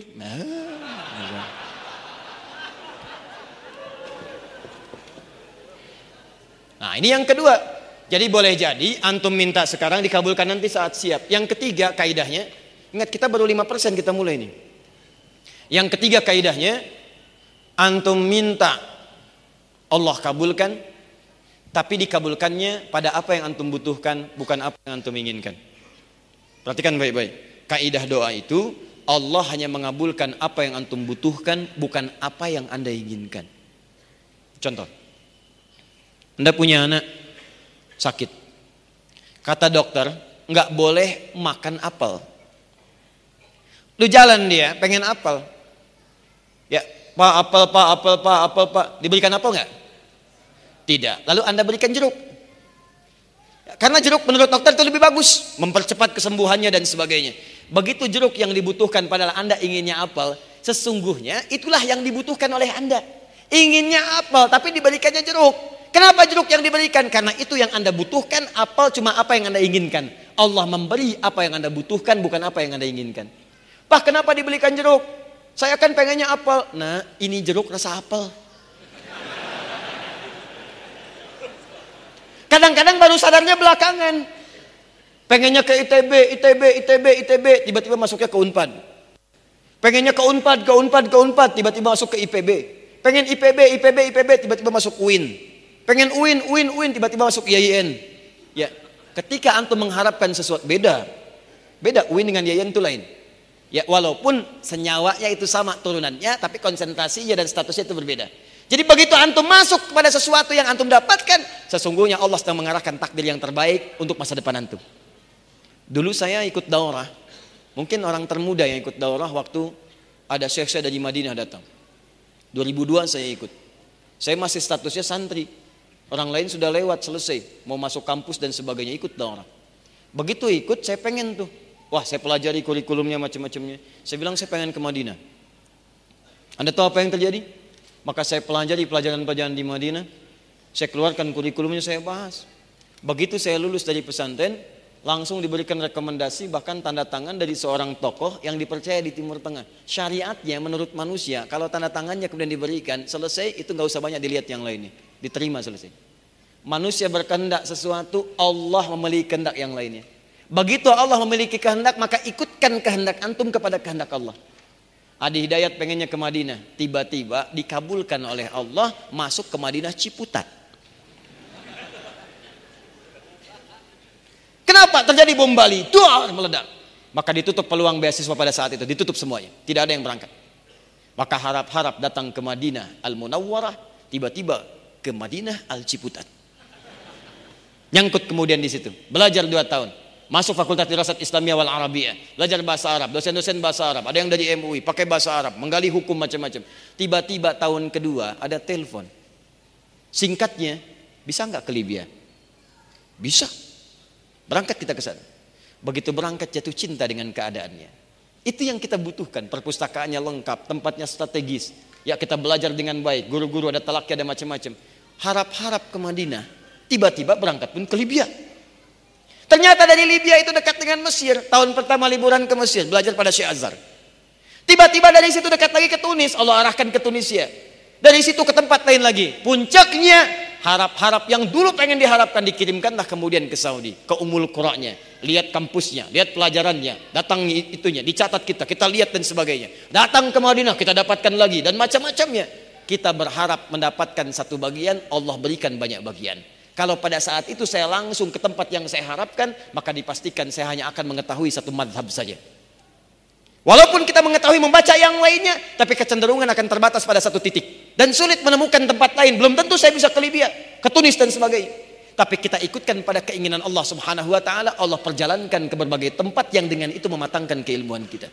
Jikalau anda memohon kepada Allah, tiba-tiba dikabulkan dengan kondisi yang lain, maka kaidahnya ikutkan keinginan Anda pada keinginan Allah, maka di situlah Anda mendapatkan hikmah yang terbaik. Paham? Ini baru kaidah. Sekarang pertanyaannya, Ustadz, kaidah pertama setiap doa akan dikabulkan, baik langsung kemudian ditangguhkan sampai dengan siap atau yang ketiga diganti dari apa yang diinginkan dengan apa yang dibutuhkan. Pertanyaannya Ustadz, Bagaimana cara berdoa itu? Ada berapa jenisnya? Supaya saya tidak salah doa. Maka Allah lukiskan dengan satu kata saja. Wa idza sa'alaka ibadi. Ibadi. Kata Allah yang berdoa kepada saya itu cuma satu golongan. Yang golongan ini nanti oleh Al-Qur'an dibagi kepada dua bagian. Apa nama golongan itu? Ibadi.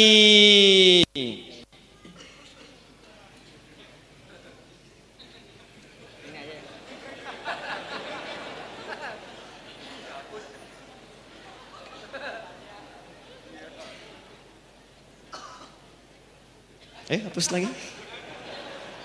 Eh, masih kurang? Ya, Alhamdulillah. Terima kasih banyak. Jazakallah. Semoga Allah muliakan antum. Walaupun salah ngapusnya ini.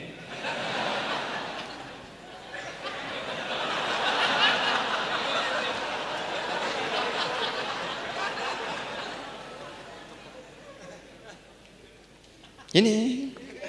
Nah. Mas. Sini, jangan dekat-dekatkan penghapus lagi ya.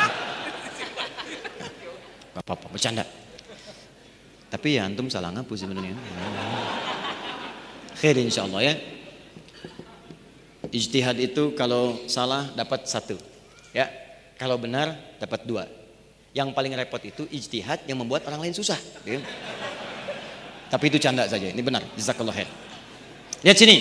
Ujibu dakwat da'i. Siapa da'i di situ? Ibadi. Ibadi. Fokus, lihat. Ini rahasia besarnya. Kata Allah yang nanti akan berdoa kepada saya, mencari saya, minta sesuatu kepada saya, itu ibadi, hamba-hambaku.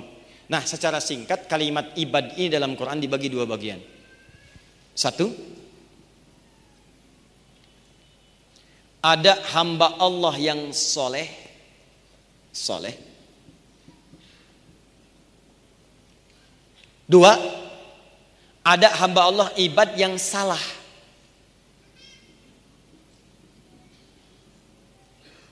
Sedikit bedanya. Mirip Upin Ipin. Cuma satu huruf. Soleh dan salah. Ada hamba Allah disebutkan dengan ibad, kategorinya soleh. Contohnya banyak. Quran misalnya surah ke-25 ayat ke-63. Ada hamba Allah yang maha penyayang disebut dengan ibad, ibadur rahman. Wa ibadur rahmanil ladzina yamshuna 'alal ardi hauna wa idza khatabahumul jahiluna qalu salama. Orang soleh di sini disebut dengan nama ibad. Ada langsung dengan kalimat ibadnya tanpa rahmatnya. Quran surah ke-39 ayat 10. Qul ya ibadilladzina amanu ittaqu rabbakum. Katakan pada hamba-hambaku yang beriman, soleh yang disebutkan, terus tingkatkan takwamu kepada Rabbu. Tingkatkan takwamu. Jadi kalau disebutkan yang pertama kata ibad, ini menunjukkan pada orang soleh, maksudnya yang tidak banyak berbuat salah, yang punya permohonan-permohonan kepada Allah. Singkatnya, kategori yang pertama orang-orang yang meminta kepada Allah untuk memudahkan urusan-urusan dunia dan akhiratnya. Permintaan dari orang soleh. Doa standar. Dua ada yang salah. Yang banyak berbuat maksiat. Salah, salah, salah. Kemudian dia ingin mendekat kepada Allah. Umumnya orang yang salah banyak maksiat ketika akan mendekat kepada Allah cuma satu alternatifnya. Yaitu ingin bertobat kepada Allah subhanahu wa ta'ala doa memohon ampunan. Minta ampun dari dosa. Contoh, orang salah yang disebut minta ampun kepada Allah. Quran surah 39 ayat 53. Disebut dengan ibad. Qul ya ibadiyalladzina asrafu ala anfusihim la taqnatu min rahmatillah. Katakan Muhammad pada hamba-hambaku yang telah banyak salahnya. Tak terlukiskan israf. Kerjakan lagi kerjakan lagi. Mereka jangan putus asa untuk mendapatkan rahmat Allah Subhanahu wa taala. Datang taubat saya terima taubatnya. Minta ampun saya ampuni semua dosa-dosanya.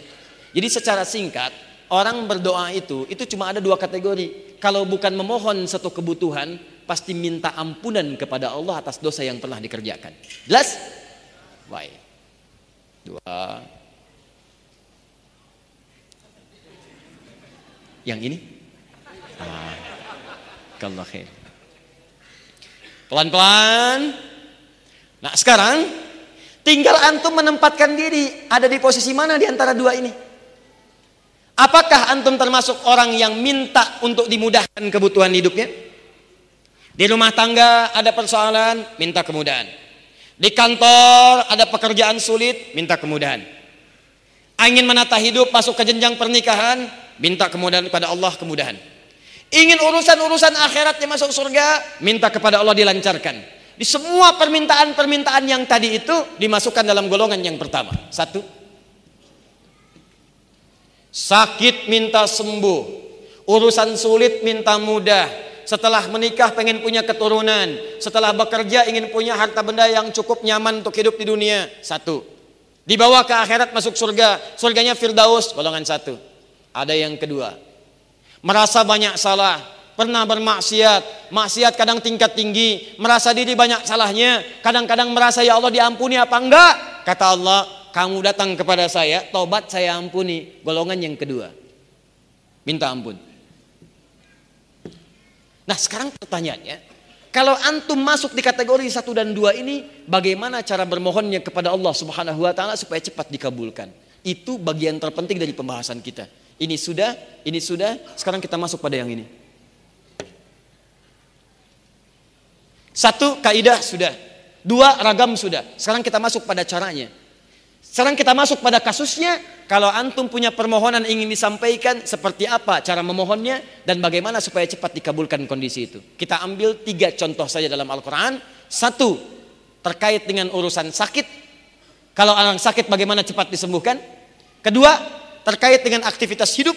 Kalau antum mencari rizki bagaimana dimudahkan. Bahkan kadang-kadang ada yang belum bermohon, rizkinya langsung dikabulkan oleh Allah dekat dengannya. Ini unik nih, bukan belum nyari, belum minta sudah diberi. Nanti kita tunjukkan caranya. Dan yang ketiga, ini yang paling hebat juga terkait dengan keturunan. Bahkan yang paling dahsyat, medis mengatakan gak mungkin punya keturunan. Klinis mengatakan mustahil punya anak. Tapi ketika itu dipanjatkan kepada Allah dengan cara tertentu, tiba-tiba turun jawaban. Kamu dapat kabar gembira dari Allah, kamu akan mendapatkan keturunan. Yuk kita kali. Satu, Buka Quran surah ke 21 tentang sakit.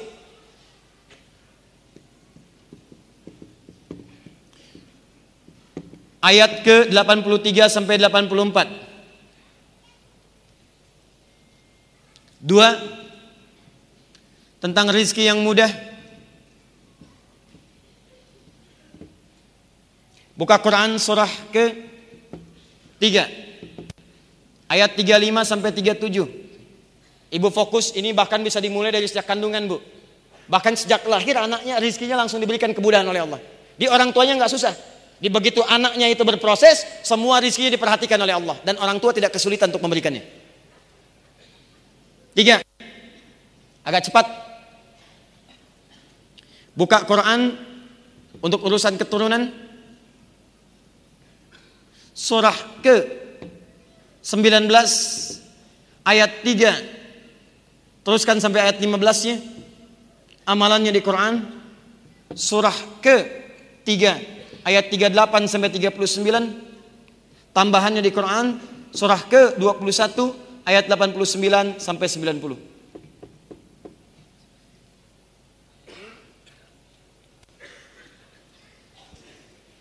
Nanti kalau ada tambahan-tambahan Anda tinggal munculkan. Mahasiswa besok akan ujian atau ingin dipercepat pengetahuannya supaya cepat, gampang, cepat paham, cepat ingat, sulit lupa. Nanti ada lagi amalannya. Kita ambil tiga contoh dulu. Yuk, satu kita mulai dengan sakit. Jika ada seseorang yang sakit dan biasanya fitrahnya itu langsung walaupun tidak diminta, itu otomatis fitrahnya mendorong dia untuk bermohon. Apalagi kalau penyakit itu kemudian sudah mulai menyakiti dirinya. Sudah mulai nggak enak, sudah mulai tidak nyaman. Bahkan dokter mengatakan ini sulit obatnya. Maka saya katakan, demi Allah saya katakan, pasti fitrah dalam hati kita akan mendorong kita untuk bermohon kepada Allah Subhanahu wa taala. Dan itu memang sudah takdir Allah menjalankan kita untuk menyebut namanya. Untuk membuktikan kepada kita. Hei, saya pernah berjanji kepadamu. Kalau kamu sakit saya sembuhkan. Saya berjanji kepadamu kalau kamu butuh saya berikan. Sekarang kamu minta kepada saya. Saya pun akan berikan apa yang pernah saya janjikan. Maka diberilah contoh oleh Allah langsung dalam Al-Quran. Yang anda mungkin tidak akan bisa mengelaknya lagi. Contoh ini diberikan langsung satu penyakit yang penyakit ini disebutkan dalam riwayat tidak akan pernah dirasakan oleh orang setelahnya dan tidak pernah dialami oleh orang sebelum beliau ini. Jadi Allah langsung turunkan penyakit tingkat tinggi yang kata manusia sulit ada obatnya dan bahkan tidak akan pernah dialami oleh siapa pun. Penyakitnya langsung disebutkan yang paling tinggi sehingga Anda nanti tidak akan bisa berkhayal lagi. Kalau yang tinggi ini aja disembuhkan kata Allah, apalagi yang kurang daripada ini. Dan di ujung ayatnya kalau ada orang yang mengamalkan amalan yang sama seperti ini, maka saya akan sembuhkan kata Allah seperti saya sembuhkan penyakit yang berat ini. Yuk, kita mulai ayatnya. Wa ayyuba. Uh, sebentar, masih ada waktu? Oh, oh sudah lewat jam 9. Uh, eh, boleh tambah 30 menit? Boleh ya? Baik, kita sesuaikan. Supaya kita agak cukup waktunya. Dah, fokus. Sekarang kita fokus ke pembahasan ya wa ayyuba Gak usah diikuti. Ini bukan doanya, ini ayatnya mau saya kisahkan. Ya. Bukan doanya. Wa ayyuba dan saya akan buka kata Allah kisah tentang Ayyub alaihissalam. Contohnya Nabi Ayub. Tahan, tahan, tahan. Biasanya dalam kaidah kalau ada kalimat pertama disebutkan dalam urutan bahasa Arab, baik dalam Al-Qur'an, dalam hadis atau yang lain, itu normalnya menggunakan dhammah u disebut dengan mubtada. Al masjidu kabirun harokatnya u. Setiap kalimat di awal kata harokatnya menggunakan u. U.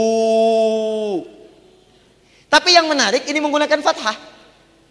Maka Anda membacanya harus dengan menggunakan ilmu balaghah. Setidaknya ada turunan nanti di fikih loghah untuk membahas tentang makna harokat. Jadi nanti di bahasa Arab itu setiap harokat dalam bahasa Arab itu punya makna. Ada artinya. Fathah kenapa disebut fathah? Kasrah kenapa disebut kasrah? Dhammah kenapa disebut dhammah? Ada kaitan dengan bacaan, ada kaitan dengan makna-makna tertentu sesuai dengan konteks kalimatnya. Kalau disebutkan fathah, ingat setiap kalimat harokatnya fathah biasanya ini menunjuk satu kejadian. Kalau pada pekerjaan yang berlangsung di masa lampau, yang kisahnya dibuka untuk menjadi inspirasi di masa depan. Saya ulang. Kalau ada kalimat kata kerja atau misalnya sifatnya benda, baik itu manusia atau kejadian tertentu, harokatnya menggunakan fathah a di atas a ini menunjukkan fathah sesuatu yang terbuka. Kejadian itu pernah terjadi di masa lalu, dibuka oleh Allah untuk memberikan inspirasi bagi orang di masa depan. Seakan-akan terjemahannya kurang lebih demikian. Wa ayyuba. Sekarang kami akan buka kisah Ayub alaihissalam. Pernah terjadi di masa lalu. Ayub diuji dengan satu ujian dan ujian ini kami akan jadikan inspirasi bagi orang di masa depan. Kalau mereka mengamalkan seperti apa yang dikerjakan oleh Ayub alaihissalam, maka kami pun akan berikan anugerah seperti Nabi Ayub mendapatinya. Apa ujiannya? Teruskan ayatnya. Idnada rabbahu anni massaniyad-durru wa anta arhamur rahimin. Yuk kita mulai rahasia terbesarnya. Saya hapus ini dulu. Yuk rahasia cepatnya. Anni massaniyadhurru. Ya Allah, saya sakit. Jadi Nabi Ayub itu di ayat ini dilukiskan diuji dengan penyakit. Pak, Bu, Nabi aja sakit. Masa kita yang bukan Nabi nggak mau sakit? Nabi aja sakit.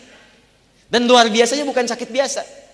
Nabi Ayub itu orangnya luar biasa, keluarganya sejahtera, istrinya cantik, menemani setia pada beliau, anaknya 12. Keluarga sejahtera, orangnya kaya, asetnya banyak, punya kebun, punya hewan-hewan ternak, kaya, sempurna hidupnya luar biasa. Nabi, Rasul, dekat dengan Allah, keluarga sejahtera, aset banyak. Diuji oleh Allah dengan tiga ujian di tiga hari berbeda. Hari pertama hancur semua asetnya, habis.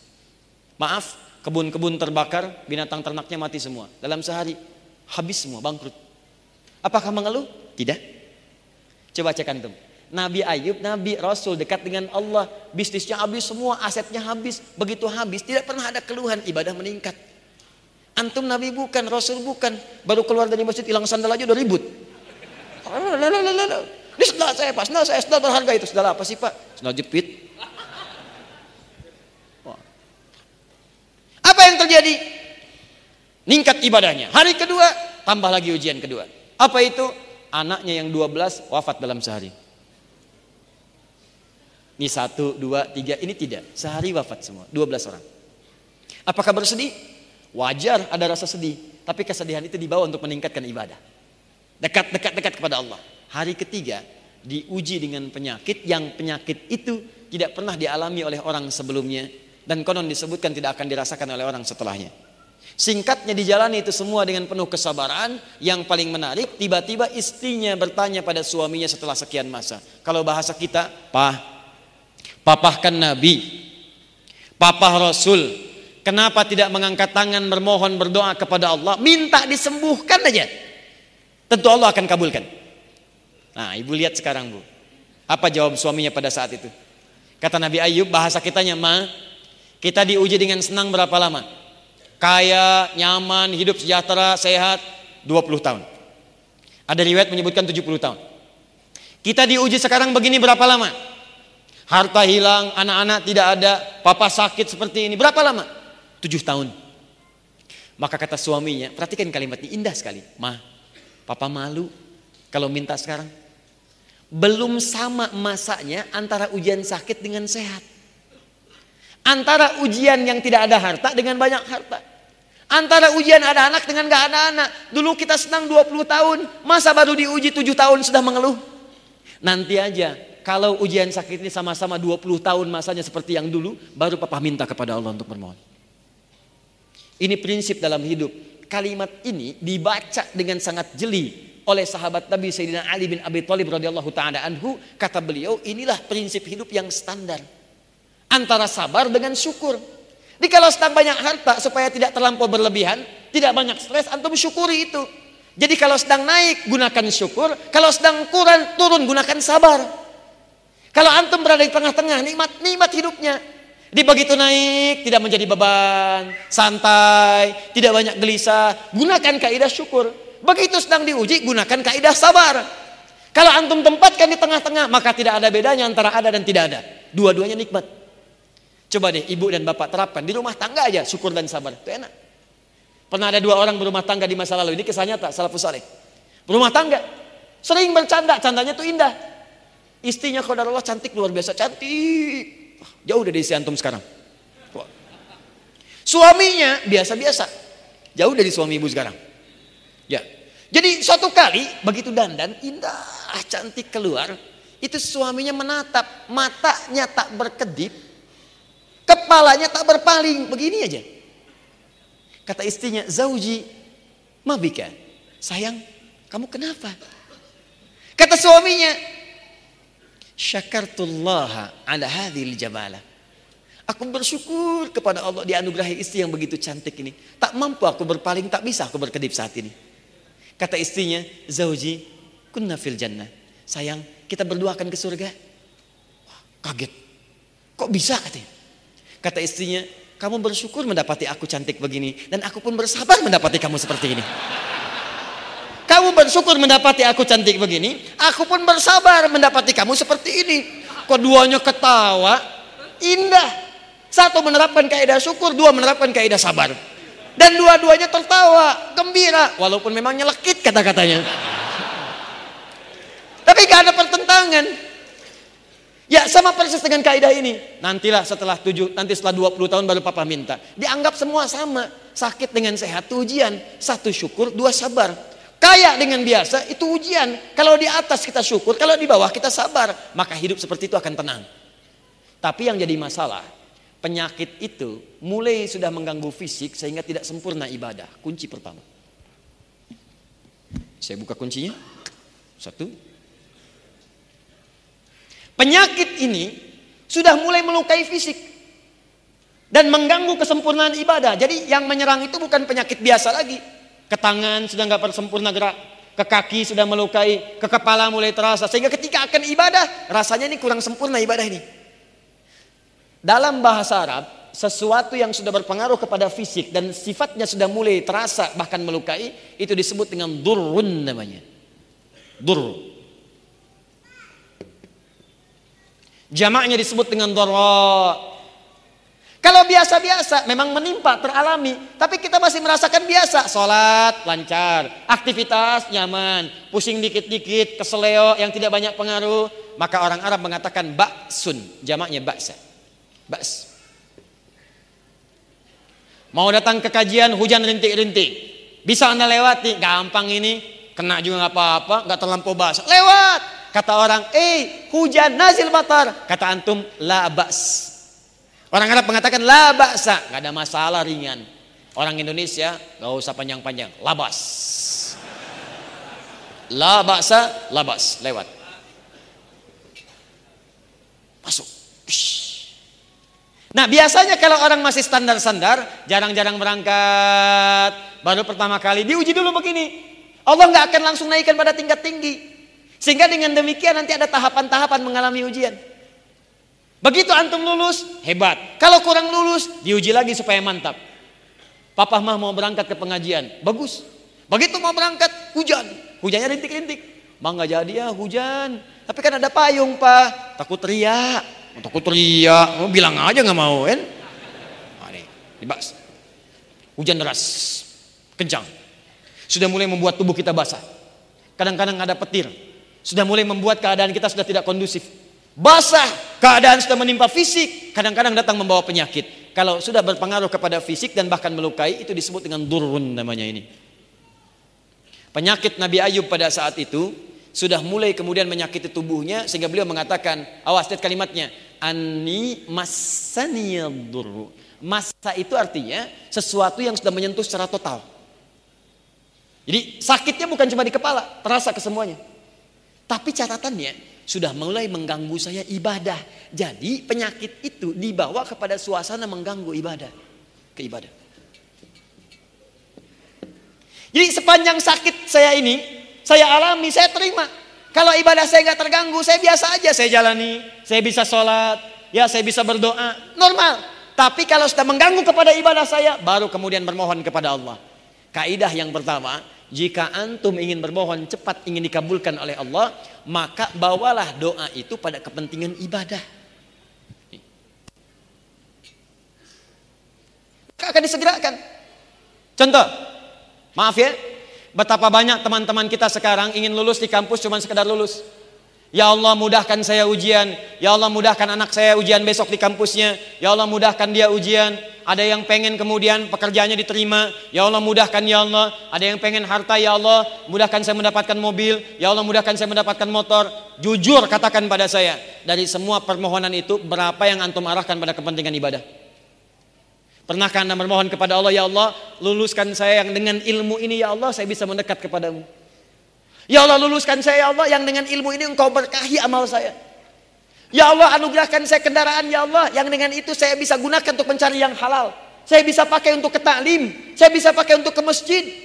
Ya Allah anugerahkan saya harta supaya bisa zakat. Ya Allah anugerahkan saya harta supaya bisa haji, bisa umrah. Betapa banyak orang meminta hanya untuk kepentingan dunia saja. Apakah dilarang? Tidak. Cuman sayang antum tidak akan mendapatkan dua hal. Satu bagian akhiratnya dan kedua percepatan untuk jawabannya. Yang minta dunia Al-Baqarah ayat 200 paling kanan sebelah bawah. Lihat kalimatnya. Wa minan nasi may yaqulu rabbana atina fid dunya wa ma lahu fil akhirati min khalaq. Ada orang yang kalau berdoa mintanya cuma dunia aja. Ya Allah besok ujian luluskan saya ya Allah dunia. Ya Allah IPK saya pengen sekian dunia. Ya Allah pekerjaan saya mudah-mudahan diterima dunia. Ya Allah lancarkan proyek saya dunia. Cuman proyek itu mau diapain? Gak diterusin. Tapi ada yang minta kepada Allah. 201-nya. Rabbana wa minhum may yaqulu rabbana atina fid dunya hasanah wa fil akhirati hasanah wa qina adzabannar. Ini yang disanjung langsung oleh Al-Qur'an. Perhatikan kalimatnya, ya Allah, saya mohon berikan kebaikan untuk dunia saya dalam pekerjaan ini dan jadikan dia punya nilai akhirat. Jika antum minta ya Allah mudahkan saya mendapatkan pekerjaan, pekerjaan yang mendapatkan halal menurut pandanganmu dan memudahkan saya ke surga ya Allah. Begitu antum panjatkan, ulaika lahum nasibum mimma kasabu. Kata Allah, orang-orang ini akan mendapatkan bagian sesuai dengan permohonannya. Begitu antum mohonkan demi kepentingan ibadah, maka apa jawabannya? Allah akan percepat jawabannya. Nanti kita lihat ayat 84-nya. Jadi pertama, kaidah doa itu kalau bermohon kepada Allah, jangan cukupkan dengan dunia tapi arahkan kepada kepentingan ibadah. Jelas ya? Dua.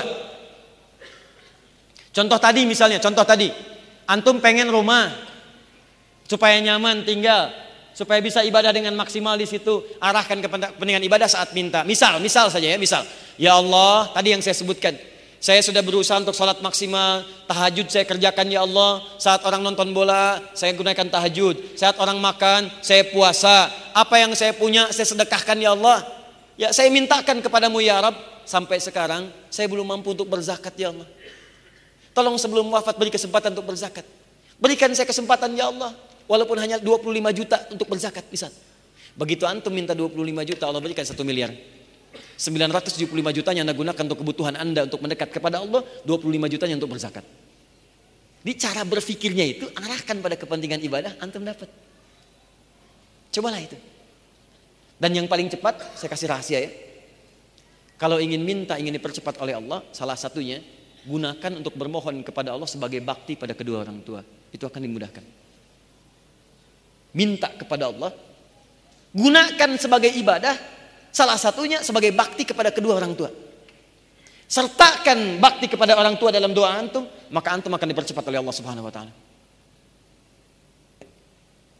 Dulu ayah saya meninggal tahun 97. Beliau sosok yang menurut kami baik, perhatian, mengajar. Saya sering digendong saat mengajar dan saya tertidur. Sekarang gantian, saya mengajar, beliau tertidur. Singkatnya beliau meninggal dan sebelum wafat saya diminta datang di rumah sakit. Kemudian beliau menangis. Saya nggak tahu eh, karena masih kecil pada saat itu. Saya merasakan beliau menangis. Tapi ada kalimat yang tidak saya lupakan. Apa minta maaf? Beliau minta maaf karena tidak bisa mengantar ke pesantren. Di dalam pembaringannya pun masih memikirkan bagaimana caranya saya bisa mengantarkan anak saya sampai ke pesantren. Beliau menangis, kemudian dipeluk. Ya, saya memeluk dan beliau peluk, kemudian kita pamit. Singkatnya dua pekan setelah itu beliau wafat dan saya disampaikan di pondok hanya diumumkan setelah sholat subuh saya masih ingat saya diminta datang ke kantor kemudian dikatakan diminta segera pulang ya tidak diberitahu ayah saya sudah meninggal sampai Bandung saya beritahu baru baru tahu kalau paman saya mengatakan mungkin sudah bisa tidak bisa melihat dan menyolatkan lagi sudah selesai akhirnya saya baru tahu ayah saya meninggal pulang sampai di rumah pada maghrib saya dapatkan ibunda saya di ruang tengah ya sudah beliau duduk dan saya berusaha untuk tidak menangis sedikit pun saya masih ingat saya peluk beliau. Setelah sholat saya temani beliau tidur. Terakhir saya melihat ayah saya dalam mimpi. Hanya pakai kain apa namanya kemeja warna biru. Ya yang sering beliau kenakan. Cuma senyum dan dada dan selesai. Setelah itu besoknya saya lihat di ruangannya. Dan saya temukan Masya Allah. Ternyata selama ini tidak mengajarkan saya dengan kitab tapi dengan perilaku. Dan kitab itu yang saya temukan di pondok. Begitu saya pulang saya temukan kitab-kitabnya. Saya baru paham ternyata ada sesuatu yang disiapkan. Maka saya berpikir, ya Allah, kalau saya mendapatkan sesuatu di masa depan, bagaimana cara saya membalasnya? Ibu saya masih ada, dan saya akan maksimal bahagiakan. Ayah saya tidak ada, bagaimana membalasnya? Saya ambil mushaf, Pak. Mungkin tidak banyak orang tahu tentang ini. Saya ambil mushaf, ayah saya pada saat itu warnanya biru. Ya, saya bawa ke ruang tengah. Saya menghadap ke arah kiblat, saya memohon kepada Allah. Ya Allah, mudahkan saya untuk menghafal Al-Quran ini dan alirkan setiap pahalanya ya Allah setiap hurufnya kepada ayahanda dan ibunda saya. Alirkan pahalanya kepada ayahanda saya ya Allah dan ibunda saya. Begitu saya katakan demikian alhamdulillah. Saya mohonkan kepada Allah mulai kemudian saya baca saya niatkan nilai kebaikannya semua mengalir untuk ayahanda ibunda saya. Anda tahu apa yang terjadi? Begitu saya bacakan tiba kemudian ayat itu tiba-tiba masuk masuk masuk dengan terjemahannya, dengan bagiannya, dengan masuk dan sulit untuk keluar sejak saat itu. Begitu saya kembali ke pesantren, Tiba-tiba pada situ sedang pengecekan ayat Al-Quran, diminta 8 ayat, lalu saya maju ke depan, setiap anak maju ke depan, begitu dapat giliran, lisan saya seakan-akan tidak berhenti untuk mengatakan dan mengucapkan kalimat Quran. Sampai dengan 8 ayat, 9 ayat, 10 ayat, 40 ayat. Baru setelah 40 guru saya meminta berhenti. Ternyata di antara kemudahan untuk mengerjakan sesuatu itu salah satunya adalah sertakan sebagai bagian bakti kita kepada kedua orang tua kita. Dan itulah terbesar, ibadah di antara terbesar di hadapan Allah Subhanahu wa taala. Paham? Misal Anda bermohon kepada Allah, Ya Allah, jadikan saya cepat menghafal Quran, supaya saya bisa memberikan mahkota kepada kedua orang tua saya. Ya Allah, sebelum saya wafat, jadikan saya seorang penghafal Quran, supaya bisa membahagiakan kedua orang tua saya. Itu demi Allah saya katakan, setidaknya akan memberikan kemudahan pada apa yang Anda kerjakan. Ya Allah, mudahkan pekerjaan saya supaya saya bisa memberikan infak kepada kedua orang tua saya. Saya ingin bahagiakan ayah ibu saya. Dahulu mereka menderita karena saya ya Allah, maka sekarang saya ingin jadikan mereka bahagia dalam setiap titian hidupnya. Begitu Anda lakukan yang demikian, demi Allah saya katakan akan ada kemudahan yang dapatkan. Ini dia. Dua, saya cepat. Oh, masih ada waktu. Dua, cari dengan bahasa atau ungkapan yang menyentuh.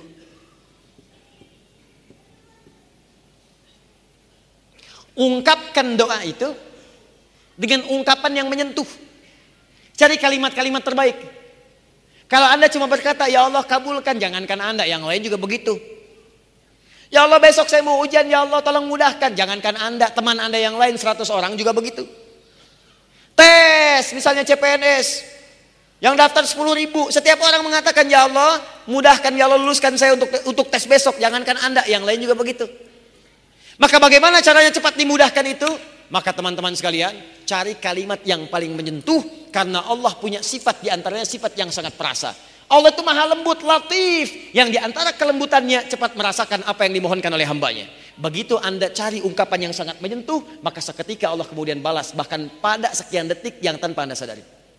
Contoh, Nabi Ayub mengatakan, lihat kalimatnya, Wa anta arhamur rahimin. Ya Allah, kalimatnya singkat tapi padat. Ya Allah, penyakit ini mulai mengganggu saya ibadah. Saya pengen khusyuk menyembahmu ya Allah. Saya pengen khusyuk beribadah, cuma terganggu oleh penyakit ini. Sedangkan engkau orang yang paling sayang, maaf. Sedangkan engkau sosok yang paling sayang kepada saya.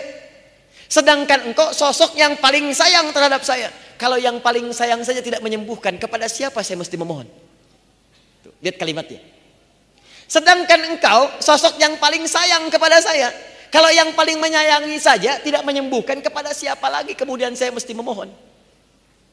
Sama persis dengan minta ampun. Antum pernah berbuat salah. Tidak ada manusia yang sempurna. Kemarin keliru, pernah mencuri, pernah zina, pernah minum, minum dan sebagainya. Tiba-tiba ingin tobat, cari kalimat yang menyentuh. Perhatikan lisan Nabi Isa ketika bermohon kepada Allah. Memohonkan ampunan untuk umatnya. Ya Allah, mereka memang salah. Ya Allah, kesalahannya banyak ya Allah. Tapi kalau engkau ampuni, engkaulah yang punya sifat penyayang. Tapi sekalipun harus dihukum, mereka hambamu ya Allah. Antum punya anak, Anak antum nakal, merusak kehidupan rumah tangga, buruk pada antum. Tiba-tiba satu kali pengen minta maaf, dia gandeng seorang ustad. Begitu datang di rumah antum, ustadnya bicara, Bu, ini memang banyak kesalahannya. Mungkin sudah tidak terukur lagi, Bu. Tapi saya mohon pada ibu, kalau ibu maafkan, ibu kan punya sifat kasih sayang. Tapi kalaupun ibu mau marahi juga, ini anak ibu. Yang ibu lahirkan lewat rahim ibu. Ibu berikan asinya, ibu sayangi, sekarang dia mau kembali. Demi Allah saya katakan begitu kalimat itu muncul, jangankan kata-kata kasar, tangisan yang pertama keluar. Anda aja manusia punya sifat kasih, apalagi Allah yang Maha Rahman dan Rahim. Begitu Anda mohon dengan kalimat-kalimat yang indah, maka turun jawaban pada saat itu. Ya Allah, hamba sadar hamba berbuat maksiat banyak. Hamba sadar dosanya ya Allah begitu berlimpah. Tapi hamba yakin engkau yang pernah berjanji akan mengampuni setiap hamba yang bertobat. Ya Allah, aku hambamu, aku ingin kembali. Kalau kepada yang menerima taubat saja tidak dikabulkan, kepada siapa lagi hamba mesti kembali? Begitu Anda sampaikan kalimat itu seketika turun jawaban dari Allah Subhanahu wa taala. Nah, Nabi Ayub pernah menggunakan kaidah ini, gunakan untuk ibadah, cari kata-kata yang menyentuh, maka apa jawabannya? Fastajabna. Menggunakan fa. Harfu atfin rabitin baina syai'aini bila hudud huruf yang merangkai dua peristiwa tanpa jeda. Peristiwa pertama berdoa, peristiwa kedua mengabulkan. Antara doa dengan mengabulkan tanpa jeda. Begitu selesai doa, dikabulkan. Ini dia rahasianya. Cepat-cepat terakhir, Nabi Zakaria, beliau diuji setelah berumah tangga, tidak punya keturunan, difonis oleh medis, gak mungkin. Istrinya monofos dan mandul, maaf. Apa yang dikerjakan? Beliau bermohon.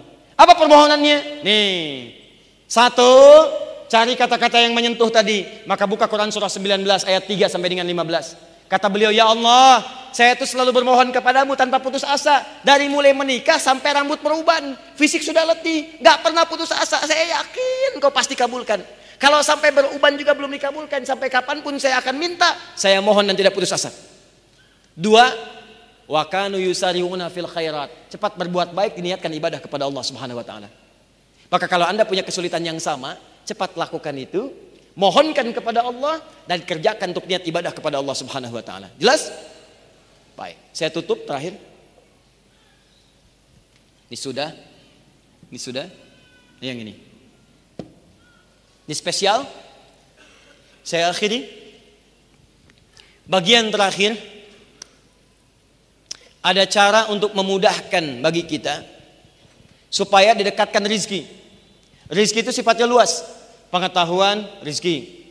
Ketenangan, rizki. Termasuk keturunan, rizki. Harta benda, rizki. Bagaimana caranya saat bermohon kepada Allah itu Allah cepat mengabulkan itu semua. Rumus cepatnya buka Quran surah ketiga Ali Imran ayat 35 sampai 37. Kalau orang tua menyiapkan ini dari awal bahkan maka anak yang akan dijamin mudah rezekinya oleh Allah dari sisi yang orang tuanya tidak menduganya. Cara pertama tahan baik-baik. Idh qalat imra'atu Imran rabbi inni nadartu laka fi ma fi batni muharrara fataqabbal minni. Cara pertama, antum mesti bernazar kepada Allah untuk memperbaiki diri. Berjanji, ya Allah, mulai saat ini hamba ingin menjadi hamba yang baik dalam pandanganmu. Mohon bimbing hamba. Jadi pertama yang antum harus kerjakan, tapi kan dulu hal-hal yang buruk, taubat dari maksiat. Jauhi maksiat. Kalau ingin semua dimudahkan oleh Allah dan doa cepat diijabah, apa pun yang dimintakan seketika. Bahkan hebatnya belum minta sudah dipenuhi. Ada orang-orang yang belum bermohon langsung dikabulkan oleh Allah. Dia belum bermunajat, besoknya tiba-tiba maaf akan bekerja orang macet dia mudah. Tiba-tiba risinya datang dari sisi yang tidak dia duga. Mau belanja makanan, makanan datang ke rumahnya. Pengen beli buah, orang ada yang ngantarkan. Belum dikerjakan, jawaban datang. Cara pertama bagaimana cara mendapatkan itu semua? Pertama, bahasa Qur'annya antum perbaiki diri dulu. Tobat. Tobat. Bahkan bahasa Qur'annya kalau seorang ibu ya Allah saya bernazar, anak ini saya siapkan jadi anak baik. Siapkan. Kalau kembali kepada kita, janji kepada Allah ya Allah saya tobat ya Allah. Saya berjanji akan menghilangkan semua segala hal yang engkau anggap buruk. Saya akan berusaha. Pertama tobat. Dua, tahan Wa inni sammaituha Maryam wa inni u'idzuha bika wa dzurriyyataha minasyaitonir rajim. Masih kaidah tobat, tinggalkan kemudian bujuk rayu setan, jauhi perbuatan maksiat. Yang paling indah ini bagian keduanya. Perhatikan baik-baik. Yang kedua, siapkan diri untuk berbenah untuk meningkatkan ibadah kepada Allah Subhanahu wa taala dengan meningkatkan level yang tidak biasa. Tahan. Level yang tidak biasa. Contoh. Orang siangnya makan, antum puasa. Orang puasa Senin, antum tambah Kamis. Orang Senin Kamis, antum ayam mulbit. Orang ayam mulbit, antum puasa Daud, misal. Orang puasa Daud sudah nggak ada lagi. Dia Daud, saya Sulaiman, oh, bisa. Nah ini udah ngaco. Pokoknya intinya, setiap ada peluang meningkatkan yang lebih baik, antum ambil level yang lebih tinggi. Malam, malam orang tidur, antum tahajud. Orang dua rakaat, empat rakaat. Orang empat, antum enam. Orang enam, antum delapan. Orang delapan, antum sepuluh. Tambah witir satu. Ingin tingkatkan lagi, silahkan. Gak ada batas, kata Nabi. Sepanjang menekat kepada fajar. Tingkatkan, tingkatkan, tingkatkan. Begitu antum lakukan semua itu, apa yang terjadi? Maryam pernah disiapkan oleh ibundanya. Orang ibadah biasa, biasa di tempat biasa, di rumah. Maryam beda, langsung dibikinkan mihrab. Mihrab. Orang di tempat biasa, Maryam dibuatkan mihrab. Orang tahu dengan kalangan biasa, beliau mencari guru terbaik namanya Nabi Zakaria. Jadi bukan bukan cara yang biasa. Orang cuma belajar dengan orang biasa, ini dicari orang yang paling bagus, Nabi Zakaria. Orang belajar di tempat biasa, ini dibikinkan tempat namanya mihrab, spesial mendekat kepada Allah. Begitu dikerjakan semua itu apa yang terjadi? Lihat ayat 37-nya. Ayat 37 surah ketiga paling kiri sebelah bawah. Fataqabbalaha rabbuha biqabulin hasanin satu wa ambataha nabatan hasana dua. Ketika seseorang berikhtiar, satu, dia bertobat dari maksiat yang dikerjakan. Kedua, dia bertekad lebih baik mendekat kepada Allah dari sebelumnya. Dan bisa menyaingi amalan orang lain. Dia tingkatkan amalannya lebih daripada yang biasa. Maka kata Allah, saya akan terima semua ikhtiarnya. Nih yang hebat. Wa ambataha nabatan hasana. Dan saya akan perhatikan setiap pertumbuhan hidupnya. Saya berikan apa pun yang dia butuhkan. Yang dahsyat, kullama dakhala alayya Zakaria al-mihraba wajada indaha rizqa. Yang paling hebat, yang Nabi, Nabi Zakaria.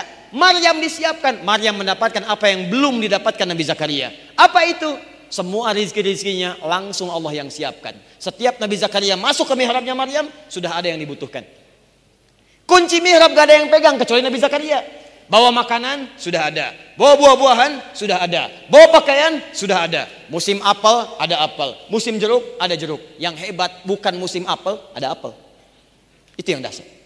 Begitu ditanya, "Ya Maryam anna laki hadza?" Maryam dari mana semua ini? Lihat jawabannya. Qalat huwa min indillah. Semua langsung diberikan oleh Allah. Inna Allah yarzuqu may yasha. Ini kuncinya. Bi ghairi hisab.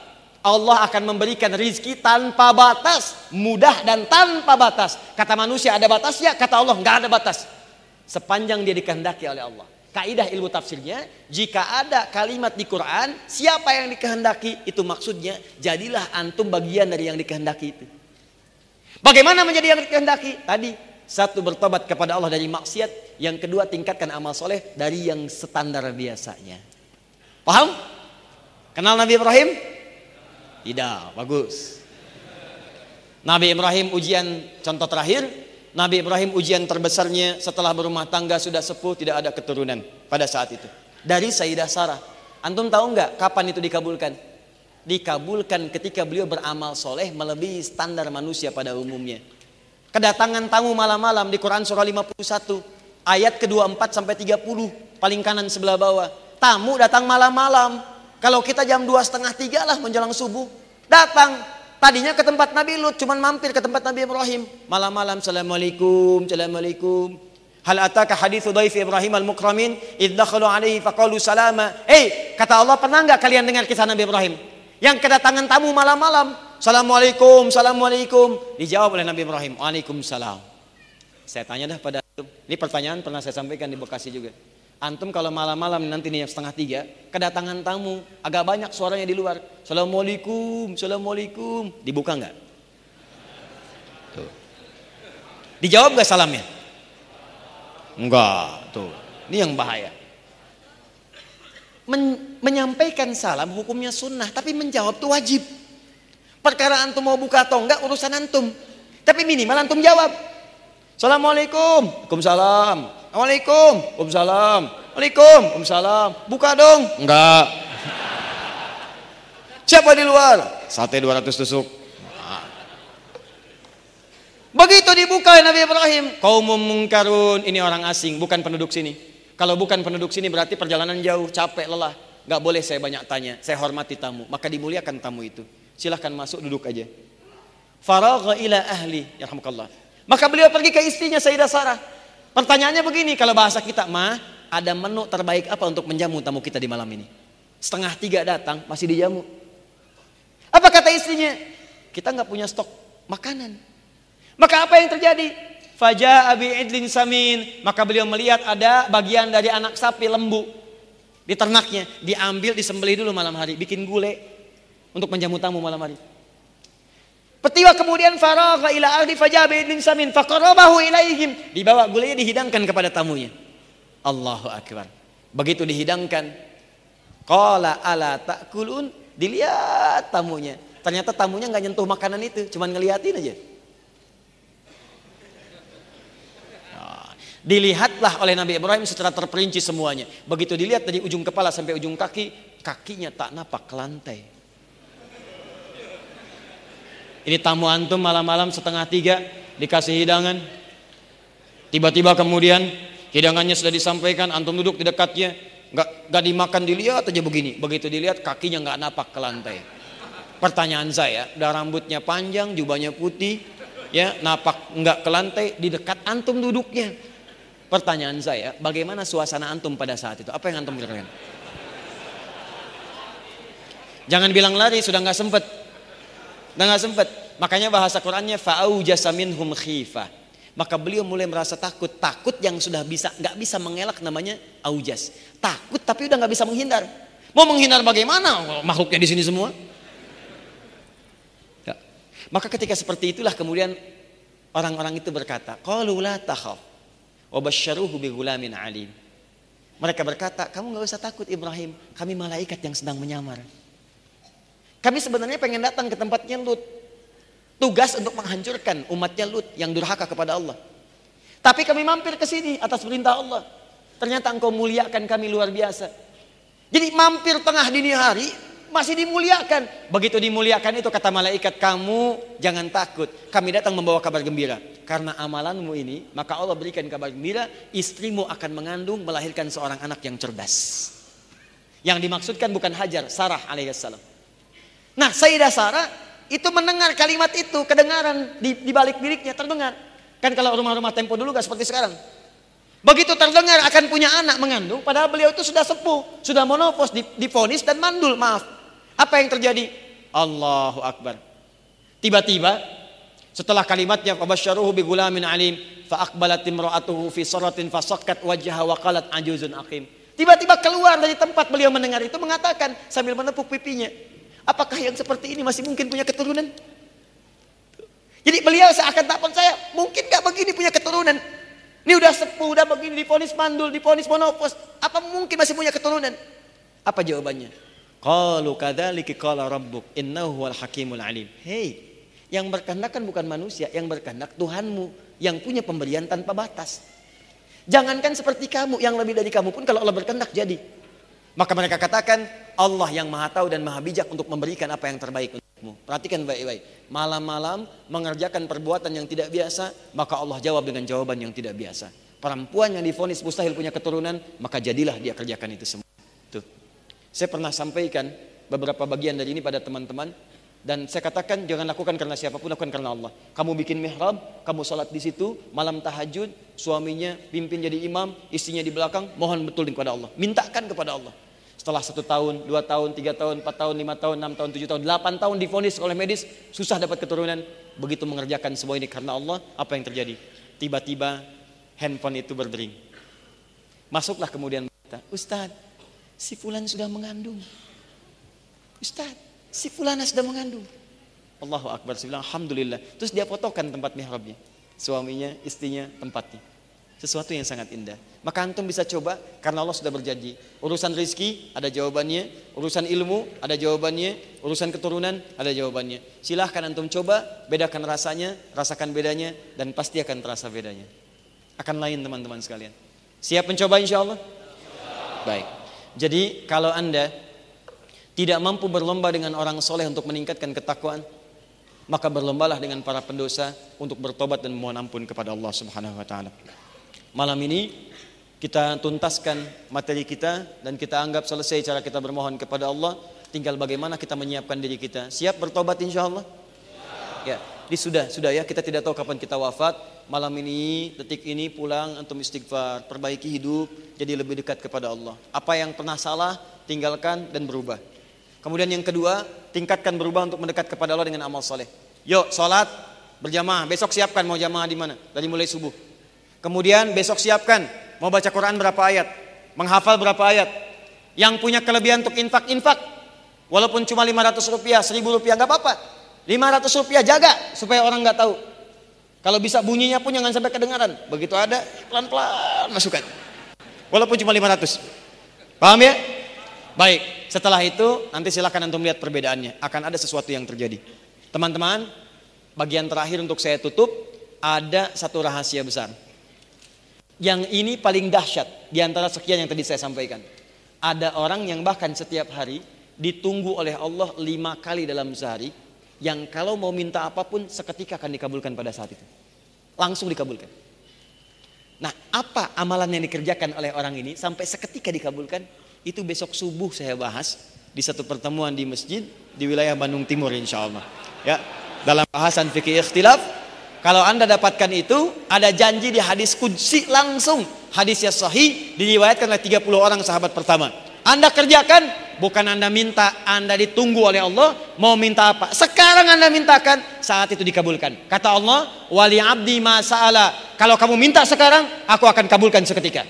Pertanyaannya, Apakah yang diminta itu bagaimana caranya? Besok subuh insya Allah kita bahas, kita terangkan. Cukup ya? Baik, kita cukupkan dulu pada malam hari ini. Semoga Allah muliakan kita. Teman-teman sekalian, kalau ada sesuatu yang kurang mohon dimaafkan. Kalau ada yang lebih itu dari Allah dan Rasulnya silahkan diamalkan. Allahumma rabbana atina fid dunya hasanah fil akhirati hasanah wa qina adzabannar. Allahumma taqabbal minna innaka antas samiul alim wa tub alaina innaka antat tawwabur rahim. Allahumma rabbana la tada' lana fi maqamina hadha fi kulli maqamin dhanban illa ghafartah. Duhai Allah kami bermohon kepadamu kalau ada satu di antara kami hambamu yang datang pada malam hari ini membawa lumuran dosa maka mohon jangan biarkan dia meninggalkan tempat ini kecuali engkau telah ampuni segala dosa-dosanya. Allahumma wala hamman illa farajtah jika ada yang datang ke tempat ini membawa kegelisahan dalam hatinya jangan engkau biarkan dia meninggalkan tempat ini kecuali engkau telah tenangkan keadaan hatinya. Allahumma ya Allah wala asiran ilayya sartah jika ada yang datang ke tempat ini membawa kesulitan dalam hidupnya maka mohon dengan segala keikhlasannya angkat dan mudahkan segala kesulitannya. Allahumma wala maridan illa syafaitah jika ada di antara kami ya Rab yang datang ke tempat ini ya Arhamar Rahimin engkau uji dengan penyakit seberat apa pun maka mohon angkat dan sembuhkan segala penyakitnya Allahumma taqabbal minna mimma ta'allamna ya rabbal alamin wa 'allimna mimma jahilna wa barikna fima ya Allah wa barik lana fima ta'allamna Ya Allah kami mohon ya Allah anugerahkan keberkahan pada setiap apa yang telah kami pelajari ajarkan kami segala hal yang belum kami ketahui dan berikan kami manfaat pada setiap apa yang telah kami pelajari Allahumma ya Allah ijal baqiyat hayatina hayatan tayyibah. Ya Allah, jika besok engkau tetapkan kami masih hidup ya Rabbal alamin, maka mohon bimbing kami untuk berubah lebih baik daripada hari-hari sebelumnya. Wa idza kana hadhil laila akhiru hayatina faj'al ya Allah hadhil laila husnal khatimah. Namun kalau malam ini kami pun mesti pulang dan ajal kami tiba di malam ini, maka mohon ya Allah, jadikan malam ini untuk kami husnul khatimah. Tawaffana muslimin, wafatkan kami dalam keadaan mampu bersyahadat, berislam dengan baik. Dinakula kalimatan la ilaha illallah Muhammad Rasulullah. Ya Allah ringankan lisan kami dalam sakaratul maut ya untuk mengucapkan kalimat syahadat. Kalimat tauhid. Allahumma ajib ya Allah kalimat Nabi qaulika ya ayyatuhan nafsul mutmainnah. Irji'i ila rabbika radiyatan mardiyah fadkhuli fi ibadi wadkhuli jannati. Ya Allah mohon jawab kalimat kami di akhir hidup kami, sakaratul maut kami ya Allah dengan kalimatmu yang indah. Tuhai jiwa-jiwa yang tenang. Ayo cepat pulang. Aku ridha denganmu, engkau pun akan ridha dengan pemberianku. Jadilah hambaku, aku akan masukkan kau ke surgaku. Allahumma ya Allah alif baina qulubina asda ahwalana ya Rabb ma yuqarribuna ila ridha. Ya Allah, jika ada hamba-hamba yang pernah berbuat maksiat bahkan di malam ini ya Allah, tolong sentuh hatinya supaya dia berubah ya Allah. Ingatkan kepadanya bahwa ia akan wafat. Kami mohon ya Allah, jangan kau wafatkan mereka kecuali engkau jadikan mereka telah bertobat kepadamu ya Rabbal Alamin. Allahumma ya arhamar rahimin, Allahumma hdi ya Allah jiwarana, ihdi zumana'ana ihdi ya Allah min kulli aqriba'an liyahtadu ila islam Ya Allah, jika di malam ini ada teman kami, tetangga kami, kerabat kami belum berislam ya Allah, Kami mohon tanamkan, hujamkan hidayah pada hati mereka, lembutkan untuk berislam, mengucapkan kalimat syahadat. Kami tidak ingin berpisah dengan mereka di surga kelak ya Allah. Kami bersama mereka di dunia, jangan pisahkan kami di akhirat. Allahumma ya rabbal alamin, rabbana atina fid dunya hasanah, fil akhirati hasanah wa qina adzabannar. تقبل منا يا الله انك انت السميع الدعاء وتب علينا انك انت التواب الرحيم لا تضيع دموعنا يا ارحم الراحمين Ya Allah kami mohon kami telah datang berjuang mengatasi segala kemacetan dengan peluh keringat dan sebagainya. Kami mohon ya Allah jangan sia-siakan air mata kami ketika bermohon. Kabulkan ya Allah. Engkau telah perintahkan kami bermohon, berdoa, kami telah lakukan, kami bahas, kami pelajari dan kami amalkan. Dan Engkau berjanji untuk mengabulkan, maka mohon ya Allah, kabulkan janjimu ya Allah, kabulkan janjimu ya Arhamar Rahimin. Jika dengan semua perjuangan yang telah kami lakukan pada malam hari ini belum mampu mengabulkan, maka mohon tunjukkan kepada kami dengan cara apa lagi kami mesti bermohon kepadamu. Bifadlika subhana rabbika rabbil izzati amma yasifun. Wassalamun alal mursalin. Subhanakallahumma bihamdika asyhadu an la ilaha illa anta nastaghfiruka wa natubu ilaik. Wa akhiru da'wana anil hamdulillahi rabbil alamin. Sebelum saya ucapkan salam, insyaallah bulan depan itu nanti mungkin masuk wilayah Bandung. Insya Allah kami siapkan nanti uh, Musab At-Taisir. Itu sudah uh, kita proses dicetak sebanyak 20 ribu. Sekaligus nanti akan ada launching untuk metodologinya menghafal Quran dalam 30 hari semoga antum terpilih menjadi penghafal Quran insya Allah ya. Assalamualaikum warahmatullahi wabarakatuh